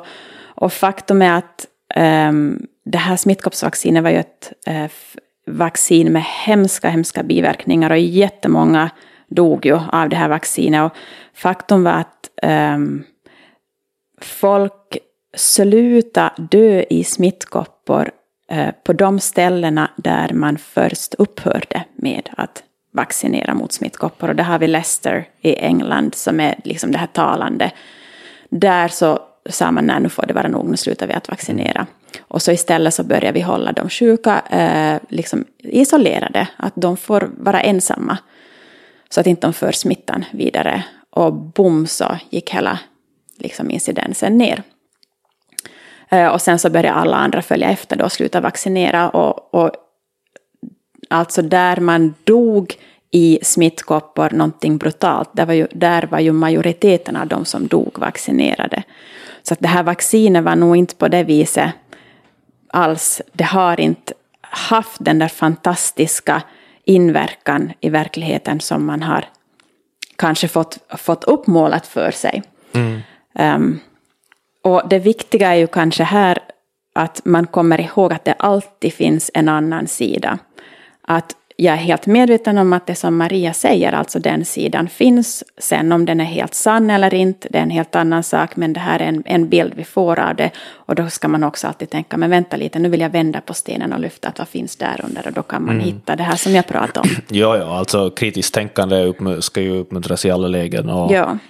Ja, och jag menar, jag har ju verkligen inte nu eh, kapacitet eller eh, någonting att liksom gå in i sakfrågor eller liksom just prata om det här. Jag tycker det är intressant att höra vad du säger och jag blir nyfiken på att kolla in det här mera. Typ.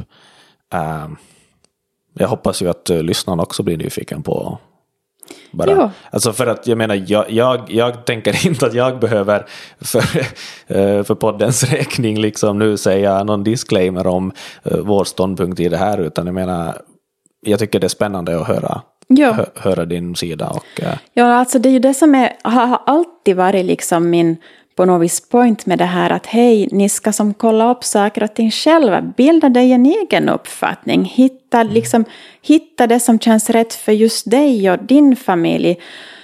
Jag tycker inte om det här när man alltid bara ska lyssna på någon annan som man tror att vet bättre än mm. man själv. För att jag vill liksom ge mera ryggrad åt folket. Liksom, vi måste återta den här tron på oss själva, att vi kan och vi vet och vi har faktiskt en hjärna att tänka med, vi har en magkänsla som vi föds med.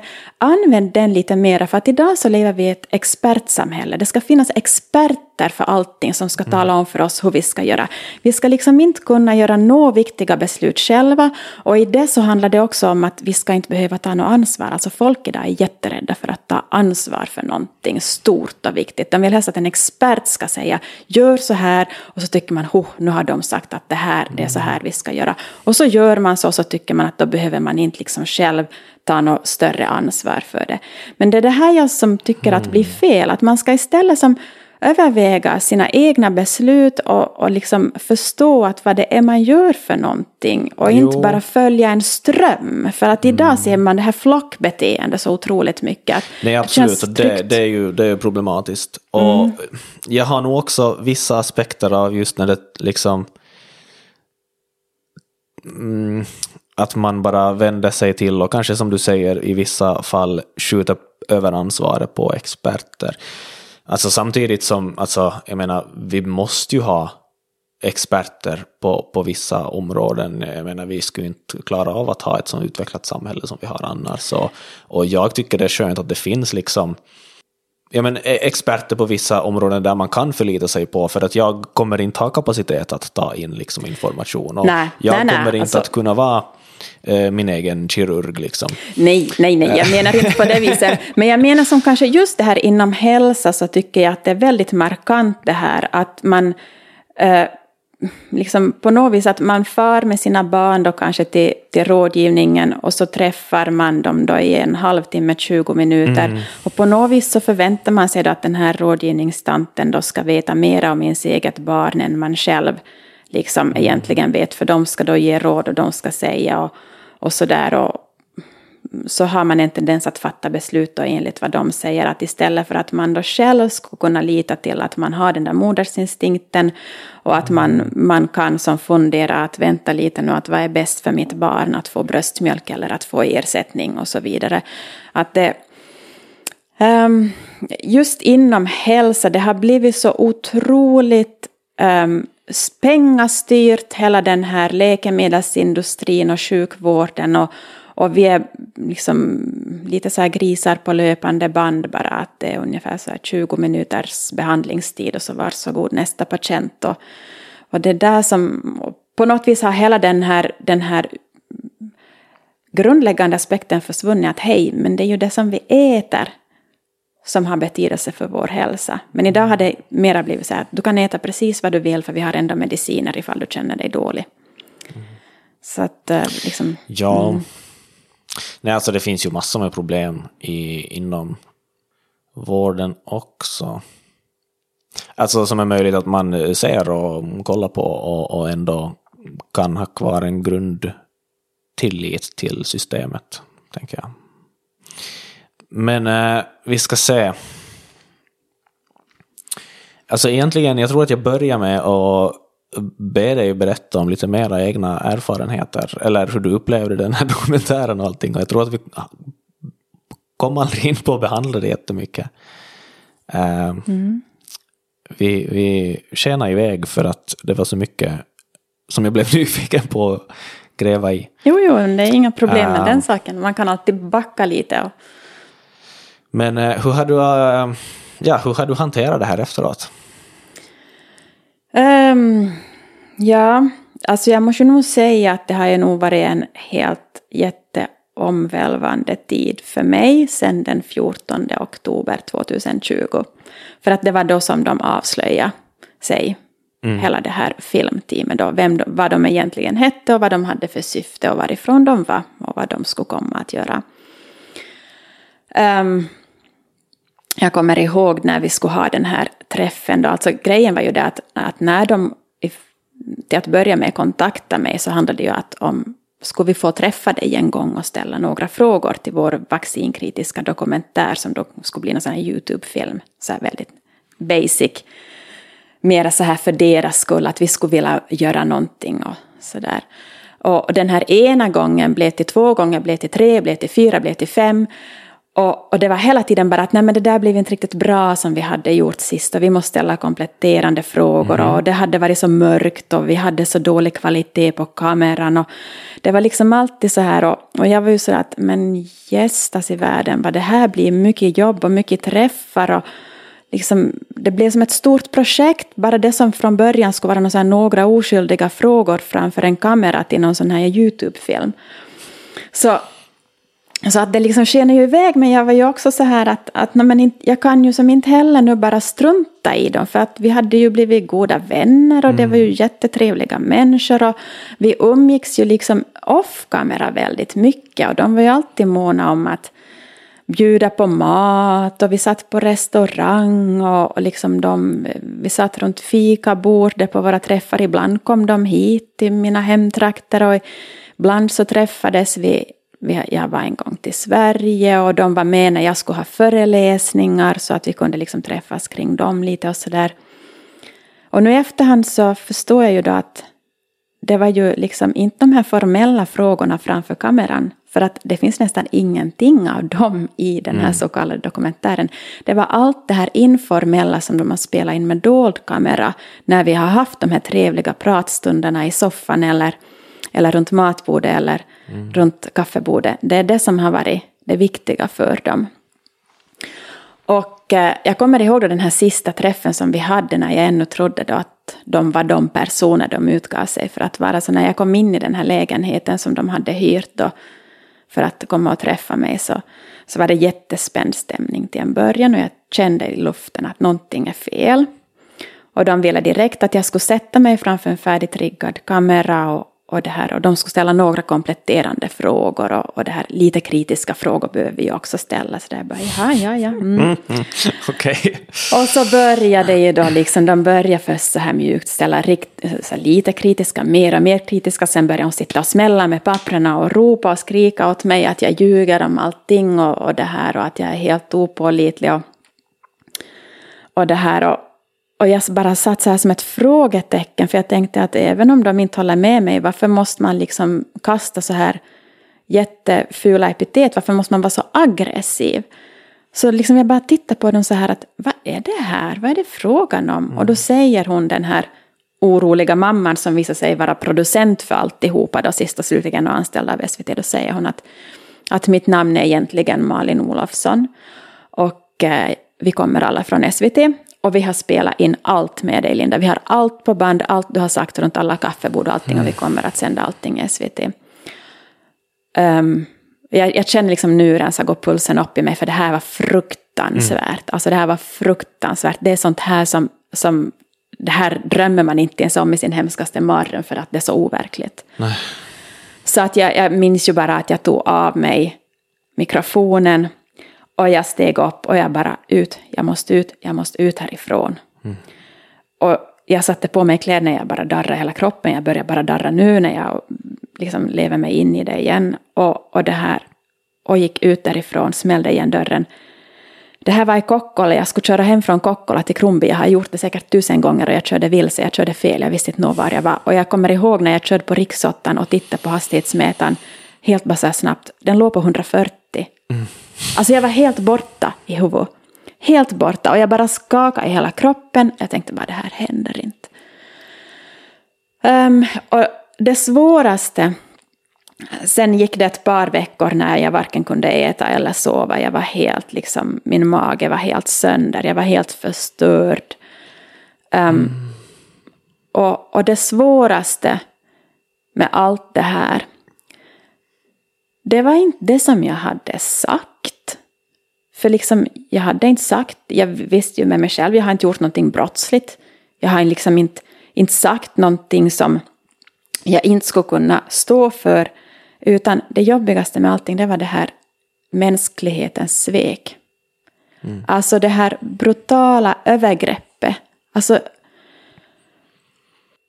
det var bara, hur kan man med vett och vilja försöka karaktärsmörda någon så brutalt. Mm. Hur kan man liksom ljuga? Alltså vi hade umgåtts under ett och ett halvt års tid. Det är väldigt lång tid egentligen. Ett och ett halvt år. Mm.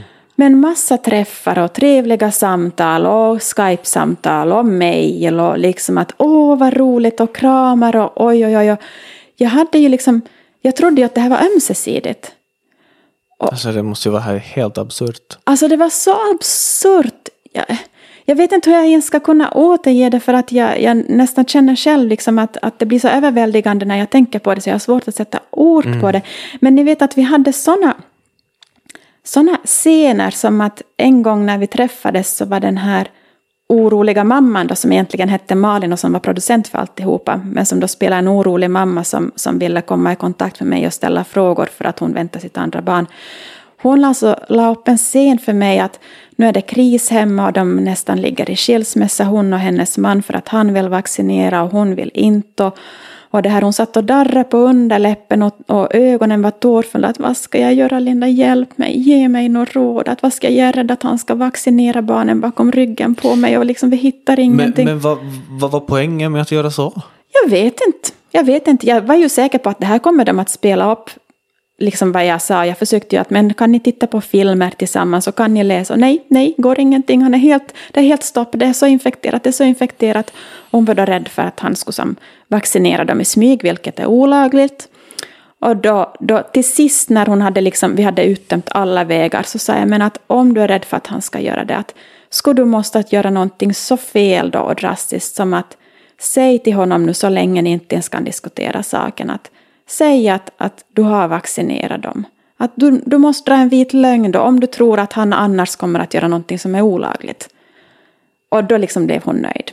Så då tänkte jag att nej, men det där är ju klart att de tar med oss att, mm. att Linda Karlsson tycker att man ska ljuga. Mm. Fastän mm. jag aldrig hade sagt att jag tycker det, men liksom hon hade ställt saker och ting så på sin spets så att en vit lögn kontra att göra någonting olagligt, att vad väljer man då liksom. Mm. Men i alla fall, sådana här scener, liksom, när jag kände att hon var helt desperat, vände sig till mig, jag, gjorde, jag vände ut och in på mig själv för att hjälpa henne, trösta henne. Och när man inser att allting bara har varit skådespel, allting är riggat, allting, liksom, och alla gånger de har träffat mig och bett mig att komma till deras Airbnb-lägenheter och sagt att kan du komma klockan 11 till den här adressen och så ringer de och säger att nej förresten går det bra att du kommer till 12 istället samma dag då. Jag bara jo, jo visst. Nej men då handlar det om att de inte har hunnit rigga upp alla sina dolda kameror. Liksom och fått tekniken att funka. Och när de då kommer till mig och i, i den här hallen och rusar på mig och kramar mig och oh så roligt att träffas. Och jag kommer ihåg en gång när hon kom så här och bara kramade mig den här oroliga mamman. Och, men Linda, jag måste bara fråga dig, alltså jag är helt chockad. Alltså jag har hört någonting om att det här med Anders Bering Breivik, finns det någonting skumt med den historien också? Och jag bara stod som ett frågetecken. Jag bara, What? Jag vet ingenting om det, sa jag. Det kan jag tyvärr Va, inte. Vad skulle du ha med det? Alltså... Nej. Men du vet, där var det också planerat att nu hade de hoppats på att jag skulle liksom ha någonting smaskigt konspiratoriskt att berätta om den grejen. Men jag visste ingenting om den grejen så de ja, fick men ju... seriöst. Ja, seriöst. Och ni alltså vet... det här är ju så märkligt. Vi har suttit runt bordet och det har varit så intressant att men Linda, vad anser du om invandring? Vad anser du om mångkultur? vad anser du om religion? Alltså att allting där du ska kunna säga någonting som är liksom ja. Och det var precis, fel, det var, det var så precis, att man kan karaktärsmörda dig lite mer effektivt. Exakt. Och det var precis det här de slängde till mig när de avslöjade sig. De skrek då efter mig att vi har spelat in allt vad du har sagt om invandring och mångkultur och, och religion och liksom allting så räknade de upp så här bla bla bla bla bla. Det var liksom det viktiga. Men de skulle kunna hålla sig till sakfrågan tycker jag. Nåja, och det är ju det som det också står i deras regler att de ska vara part, opartiska och sakliga. Mm. Och jag anser att hela den här sättet de har producerat det här på och hela det här resultatet, det är precis ett skolexempel på hur statstelevision inte ska gå tillväga och inte ska göra. Så att, ja, nej, alltså det tog jättelänge för mig efter liksom att de hade, vet du, avslöjat sig. Alltså att marken gungade under mina fötter. Det kändes som att jag såg gröna monster i mm. varenda hörn. Plötsligt började jag ifrågasätta alla människor. Tänk om den där har en ond avsikt. Tänk om de har lurat mig. Det. Kan jag lita på den där som jag har känt i bara tre år? Mm. Vet, och sådana där saker. Att, ja, och det, ja. Där, det där kan jag förstå så jätte, jättebra. Alltså, mm. Eh, jag har inte varit med om någonting liknande, eller i, i den skalan, men alltså, jag har ju ändå upplevt i eh, små sammanhang där man, har blivit liksom eh, Eh, har upplevt att sammanhanget liksom har svängt sig mot mig. typ. Och, och man blir ju, man börjar ju tänka så, alltså, ja men reagerar ju så där på folk som att de är väl ute efter mig på något sätt. Och det här ja. var ju som små sammanhang. Alltså, man, alltså om vi ska använda ordet konspiratorisk så där i det sammanhanget så då kunde jag känna mig så här, så här liksom äkta konspiratoriskt. Som att det finns en konspiration som är ute efter dig? Liksom. Ja, mm. ja alltså, det var jätte, jätte obehagligt och det, det var det och här det... som var den svåraste biten att smälta för att jag personligen, jag skulle aldrig kunna ljuga folk så här rakt upp i ansiktet. Aldrig. Alltså jag klarar inte ens av att köra aprilskämt med folk. Jag har riktigt svårt för att lura och mm. ljuga. Och det är väl också kanske en orsak till att jag gick med på det här, för oftast så återspeglar man ju sättet man behandlar andra människor på återspeglar mm. ju oftast sån som man själv är. Så att jag skulle aldrig ha kunnat tänka mig att de bara spelade en teater för mig och egentligen Nej. hade andra namn och andra avsikter. Utan jag utgick från att det här var ärliga människor. Dumt av mig, dumt, mycket dumt. Mm. Och det är konstigt, liksom, folk har sagt till mig efteråt, men hur kunde du vara så naiv, Linda? Alltså hur kunde du vara så godtrogen? Och då är det lite lustigt att, ja... Men alltså man vill ju ändå tro gott om människor. Nej men precis! Och det är lustigt att när barn tror på vad vuxna säger, då är det liksom någonting fint. Att åh, liksom att men se på barn, de är så ärliga, de är liksom så, de har en sån mm. tillgivenhet. Att då är det någonting bra. Men sen när vuxna människor på något vis visar den där samma tilltron till andras ärlighet, så då är, då är man liksom bara naiv och godtrogen och då är det någonting negativt. Och, ja, alltså, ni vet inte hur många gånger jag har spelat upp den där scenen i mitt huvud när den här ena reportern då, Emily Simmons, ringer upp mig då sommaren 2019 eller våren 2019 och berättar att de har startat det här projektet när hon ska göra då den här dokumentären om den här oroliga mamman som då påstår att hon hette Carolina, om hon kan få ställa några frågor till mig. Alltså det har jag spelat upp så många gånger och skrivit om historien i mitt huvud och jag bara säger att att oj tack för förfrågan men att nej tack jag är inte intresserad och sådär liksom att men nej, gjort är gjort, jag sa ja och därmed så hade jag gett mig in i hela det här och jag tänker att någonting gott så kommer det nog ur den här historien förr eller senare att jag har fått lära mig en livets läxa. Mm. En tråkig sån, men jag försöker att svänga det till någonting användbart i framtid, framtiden. Och sen också att andra, liksom, jag skulle kunna gräva ner mig. Jag skulle kunna stänga in mig och gå under jord och liksom bara låta allting spela ut. Men jag har valt att ändå försöka vara öppen med det just för att jag tänker att folk själva måste få se hur det kan gå till här i livet så att de andra kanske kan undvika att gå i samma fälla som jag har gått i. Men också så att eh, folk faktiskt liksom ser hur snedvridet det har blivit, den här politiskt korrekta åsiktskorridoren. Att, att man ska inte behandla människor som har en avvikande åsikt på det här sättet. Nej, absolut inte. Nej. Hur, uh, hur går du vidare? Alltså, har du kunnat... Jag menar, du kom ju hit, så på något mm. sätt så tog du en chansning och tänkte att vi har goda intentioner med det vi gör. Ja. Uh, så, så åtminstone hade ju kunnat då på något sätt lita på oss. Men ja, liksom var, ja. hur, ja, hur får du tillbaka tron på mänskligheten? Mm, jättebra fråga. Um, på något vis så har folks reaktioner på det som har hänt har ändå bevisat för mig att um, de allra flesta, majoriteten, har goda intentioner, så här som jag mm. upplever med er. Att jag kan inte låta det faktum att SVT gjorde så här mot mig liksom återspeglas på alla som är intresserade. Och liksom alla journalister fungerar inte på det sättet. Och, alla andra intresserade människor fungerar inte på det sättet. Um, men det tog en stund innan jag kunde landa i det, men det hade att göra med att det var så väldigt många som tog kontakt med mig och beklagade vad som hade hänt, även om de hade helt andra åsikter och annan liksom, tro än mig. Ja. Så att um, på något vis där, mycket samtal med goda vänner, men också andra som inte har känt innan som har kontaktat mig nu och tyckt att det här är liksom att att det här är så in i helvete fel, om ni ursäktar språket, men att så har ja, folk uttryckt sig. Så, ja. Mm. så, mm, och sen förstås, tiden leker.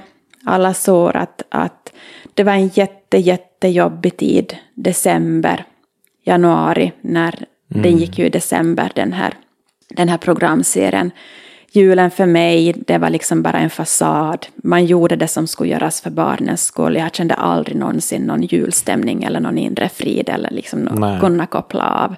För mig känns det ungefär som att jag har sett en julafton på en film mitt i sommaren. Ungefär den känslan hade jag av att, av att liksom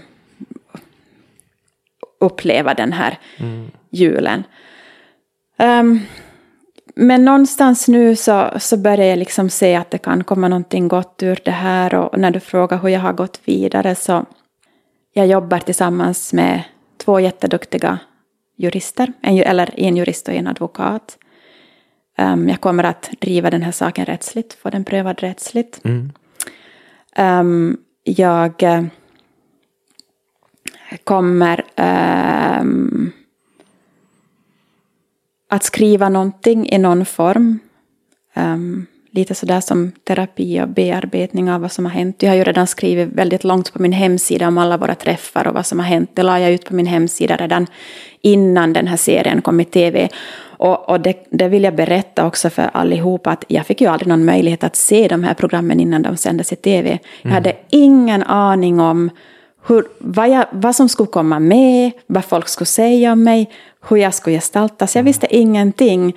Så att liksom, jag skulle på något vis spela huvudrollen i en film som skulle komma utan att jag visste någonting om hur det skulle se ut innan alla andra fick se det på samma gång som jag fick se det. Så det var en väldigt prekär situation. Så att, eh, och sen så kan jag också berätta att eh, det håller på att produceras en efterdokumentär, liksom i kölvattnet av detta karaktärsmord. Och den dokumentären var påbörjad redan innan SVT avslöjade sig. Alltså är det SVT som producerar nej, den också? Eller vem nej, producerar det är, fri, det är frilansande um, och, och, och dokumentärfilmer. Hur, hur började den? No, det började med att de tog kontakt med mig liksom som vilka okay. uh, nu, nu, kan jag inte säga journalister, för de är inte journalister, de är dokumentärfilmare. Men de tog kontakt som vilken annan som helst och sa att hej, att vi skulle vara så intresserade, att skulle du kunna ställa upp? Ja, sa jag. Nu kan jag det, nu kan vi träffas. Så att liksom, jag menar, något svårare än så var det inte att få mm. kontakt med mig ändå, med rätt identitet och med rätt syfte. Mm. Så att eh, Eh, sen så gick det då några månader och så avslöjade sig SVT och då var jag helt i upplösningstillstånd och då ringde jag åt det här filmteamet och sa bara att nej vet ni hur ska jag kunna lita på er att nu har det här hänt och jag var ju helt i upplösningstillstånd. Och då sa ju den här filmaren att vet du Linda att om inte du har någonting emot det så nu tar ju vår dokumentär en ny vändning för nu vill vi följa dig i ja, det här. Ja, okej, okay, okay, så de börjar inte dokumentären med att det var det det skulle handla om? Nej, ah, okej, okay, då fattar jag. det gjorde de inte.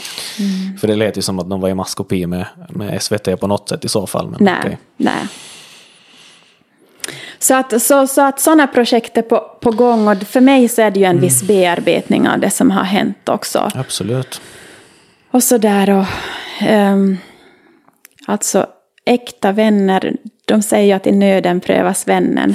Och det här har ju nog gjort att man har sett det rätta ansiktet mm. på en del människor. Ni vet att no, men ni vet hur det kan bli när man utsätts för en kris. Vissa svänger ryggen, andra finns där. Um, några och man som... växer så mycket tajtare. Ja. Mm. Mm.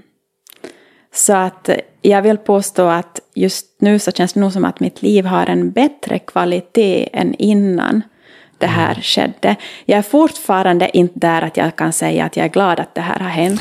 Jag hoppas att jag skulle komma dit någon dag och säga att det här är tack vare SVTs valraffning av mig, vilken tur att det hände. Jag hoppas att jag kommer dit, mm. men jag är inte där ännu. Alltså jag är nog fortfarande på den där liksom grejen att om någon bara skulle komma med en liksom undo-knapp framför mig så jag skulle nog bara trycka på den utan tvekan. Mm. Men, Absolut. Mm, Oh, ja, det är när man liksom går igenom det här så jag känner bara hur jag blir upp i varv när man pratar om allt det här som har hänt, för det är så osannolikt. Mm. Det är så osannolikt att det ska hända. Och varför hände det mig, en helt vanlig fembarnsmamma som inte ens har något yrke utan liksom bara är hemma och donar och sliter. Och så sätter de miljoner skattepengar på att karaktärsmörda mig. Liksom var, var är logiken i allt det? Är ju ganska absurt. Alltså som, som privatperson så tänker man ju sig ändå att man är skyddad från allt sånt där just för att man är ointressant. Eller just för att liksom, ja men vem är jag? Alltså, uh, Helt uppenbarligen är det ju inte ointressant, men liksom... nej, nej no, det, det, många säger ju att det här var ju den bästa kvalitetsstämpel jag kunde få på många sätt och vis, liksom, att man är värd så där mycket uppmärksamhet. så att all, all reklam är bra reklam, säger ju vissa, men, men jag var ju aldrig ute efter att få den här reklamen på det här sättet. Så. Men, mm. men onekligen, det har ju fått många att bli intresserade av vaccinfrågan. Och det är ju ändå liksom, jag menar nu sitter ni här och intervjuar mig och tycker att det här är liksom intressant. Så att mm. vi skulle kanske annars aldrig ha kommit i kontakt med varandra på det viset. Så att nu kommer det ju, det är ju klart att jag ser att det kommer många positiva saker ur det. Mm. Ja, nej, det är ju klart. Så. Eller det, det som är mest, eh, har varit mest intressant för mig var ju många frågor som väcktes i och med dokumentären. Eh, för jag blir ju alltid nyfiken. Men det är en jättebra egenskap. Um, och sen uh, just bara att få prata om alltså, hur du upplevde allting och mm. hela karaktärsmordet. Och så, så att, uh, ja. Jo, alltså det, det, det som jag tycker är så otroligt sorgligt, det är samhället när samhället på något vis är så handikappat när de plötsligt tvingas konfrontera med syner som inte är överensstämmande med, med det här narrativet som vi ska verka i. Mm. Och jag märkte ju efter den här, att den här dokumentären hade sänts hur folk blev liksom rädda att på något vis förknippas med mig. Nej, men det är ju just det där att man inte kan särskilja på, ja. på åsikter eller tankar och ja. funderingar och personen. Ja, precis. Och det är ju just det där som alltså, alltså jag tycker att det är så absurt. Och för mig är det som en självklarhet att jag kan sitta här och prata med dig för att du är ju ändå en person. Ja. ja, ja. Liksom, jag, jag, har varken horn eller svans. Jag, liksom, och, och det här. Jag kommer ihåg bara när jag gick i lågstadiet så um, jag gick i en klass där det var tyvärr väldigt mycket mobbning som förekom överhuvudtaget i den skola jag gick i. var det väldigt mycket mobbning och, och det här Eh, jag var tacksam att mobba. Jag var, jag var väldigt mobbad i, i, under skoltiden och det hade att göra dels med att jag hade toppbetyg. Jag hade liksom i princip tio i allting och, och det här det är ju inte så populärt bland resten av klassen. Och sen så var jag väldigt liten och smal. Jag har alltid varit liksom ganska så här späd i min kroppsbyggnad och, och det var då också tacksamt att, att hålla på och mobba och reta mig för. Så att jag var ju en plugghäst och jag var spittilinko för att jag var som så spittig som de kallade mig då. Så där, så att jag kommer ihåg då, oftast var det bara pojkarna som höll på. Det var mycket liksom att jag fick så här, blev fysiskt slagen och, och lämnad på skolgården och sådär. Men ibland så fick flickorna för sig det här också att de skulle frysa ut mig. Flickorna är det här, de slår ju inte utan det är ju den här psykiska biten att de fryser ut och inte pratar med. Mm. Så hade det varit en sån episod när hela klassen liksom ingen låtsades om mig utan jag var då luftig någon vecka så här som det blev ibland och hade ingen att vara med på rasterna och ingen pratade med mig och sådär. Och sen när den här veckan hade gått så kom det min bästis som gick på min klass och, och så sa hon så här åt mig att Förlåt nu Linda att jag har varit så där dum mot dig den här veckan och inte pratat med dig men du måste ju förstå att om jag skulle ha varit snäll mot dig så skulle ju de andra ha börjat reta mig också. Och det här fenomenet så ser jag precis, liksom, det här är inte något typiskt barn, det här är också vuxna människor som beter sig på det sättet. Yep. Och det märkte jag så klart efter att den här serien hade sänts, hur vuxna människor blev jättemåna om att ta avstånd och liksom också deklarera i sociala medier att jo, alltså jag kände nog Linda Karlström förr och vi umgicks och vi har nog varit vänner, men jag är inte något mera. Jag är inte hennes kompis något mera och det är nog himla tur det. Liksom och så här. Och, och det här också liksom i min nära krets, att folk som annars har haft jobbat med mig kring olika frågor i mångt och mycket, så nu plötsligt var inte jag välkommen något mera. Och, och det här det skrev ju tidningarna väldigt mycket om då att, mm. att jag var olämplig som tränare plötsligt. Mm. Jag har ju hållit på med gymnastik i hela mitt liv. Mm. Och det här, jag har varit tränare då i, i 20 års tid och jag hade precis blivit utnämnd till årets tränare innan yep. den här serien gick och, och nu så var jag plötsligt olämplig så att nu är jag är inte välkommen mera i förenings... Före detta årets tränare. Nu är jag före detta årets tränare, före detta tränare och före detta aktiv i mm. liksom, föreningslivet för nu är inte jag välkommen där något mera. För att nu är jag, anses jag vara då farlig plötsligt. Från att ha blivit årets tränare på två, tre veckor när det här programmet hade gått så blev jag då istället farlig som mm tränare för barn för att jag kan då tänkas försöka hjärntvätta dem och indoktrinera dem och behandla dem mm. liksom rasistiskt, påstod de. Varifrån de skulle Nej, få rasistiskt också. Jo, jo, mm. jo, jo det, var, det var i de här utredningarna att, att, mm. de, att jag uppenbarligen inte följer deras policy om allas lika behandling och att jag liksom har gett uttryck för rasistiska åsikter och liksom jag var bara jaha. Liksom, jag, jag, förstod, jag fick aldrig någon logisk förklaring på det här. Men, men alltså det var så mycket, så mycket skitsnack som pågick. Så mm. jag kände bara att, nej, men att jag, jag vill inte ens vara kvar där något mera nu. Att, men nej. tyvärr. Nej, man kan ju knappast hitta en logisk förklaring. Alltså det är ju som känslomässiga reaktioner. Ja, det är sätt. ju det. det, är ju det. Um, och det här... Men, ja, alltså grymt. Och jag, jag tänker ju som, alltså jag tror ju fortfarande att, alltså jag ser att vissa av de tankar du för fram kan vara farliga.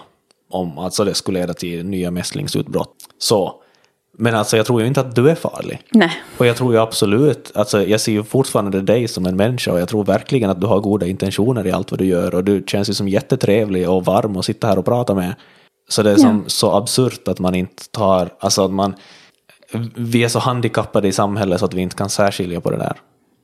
Ja, det är precis det som jag upplevde, att det är så otroligt sorgligt och liksom hur folk till och med då kan ge sig på liksom de som är släkt med mig eller på något vis annars har en relation till mig och börja liksom pressa dem och förhöra dem.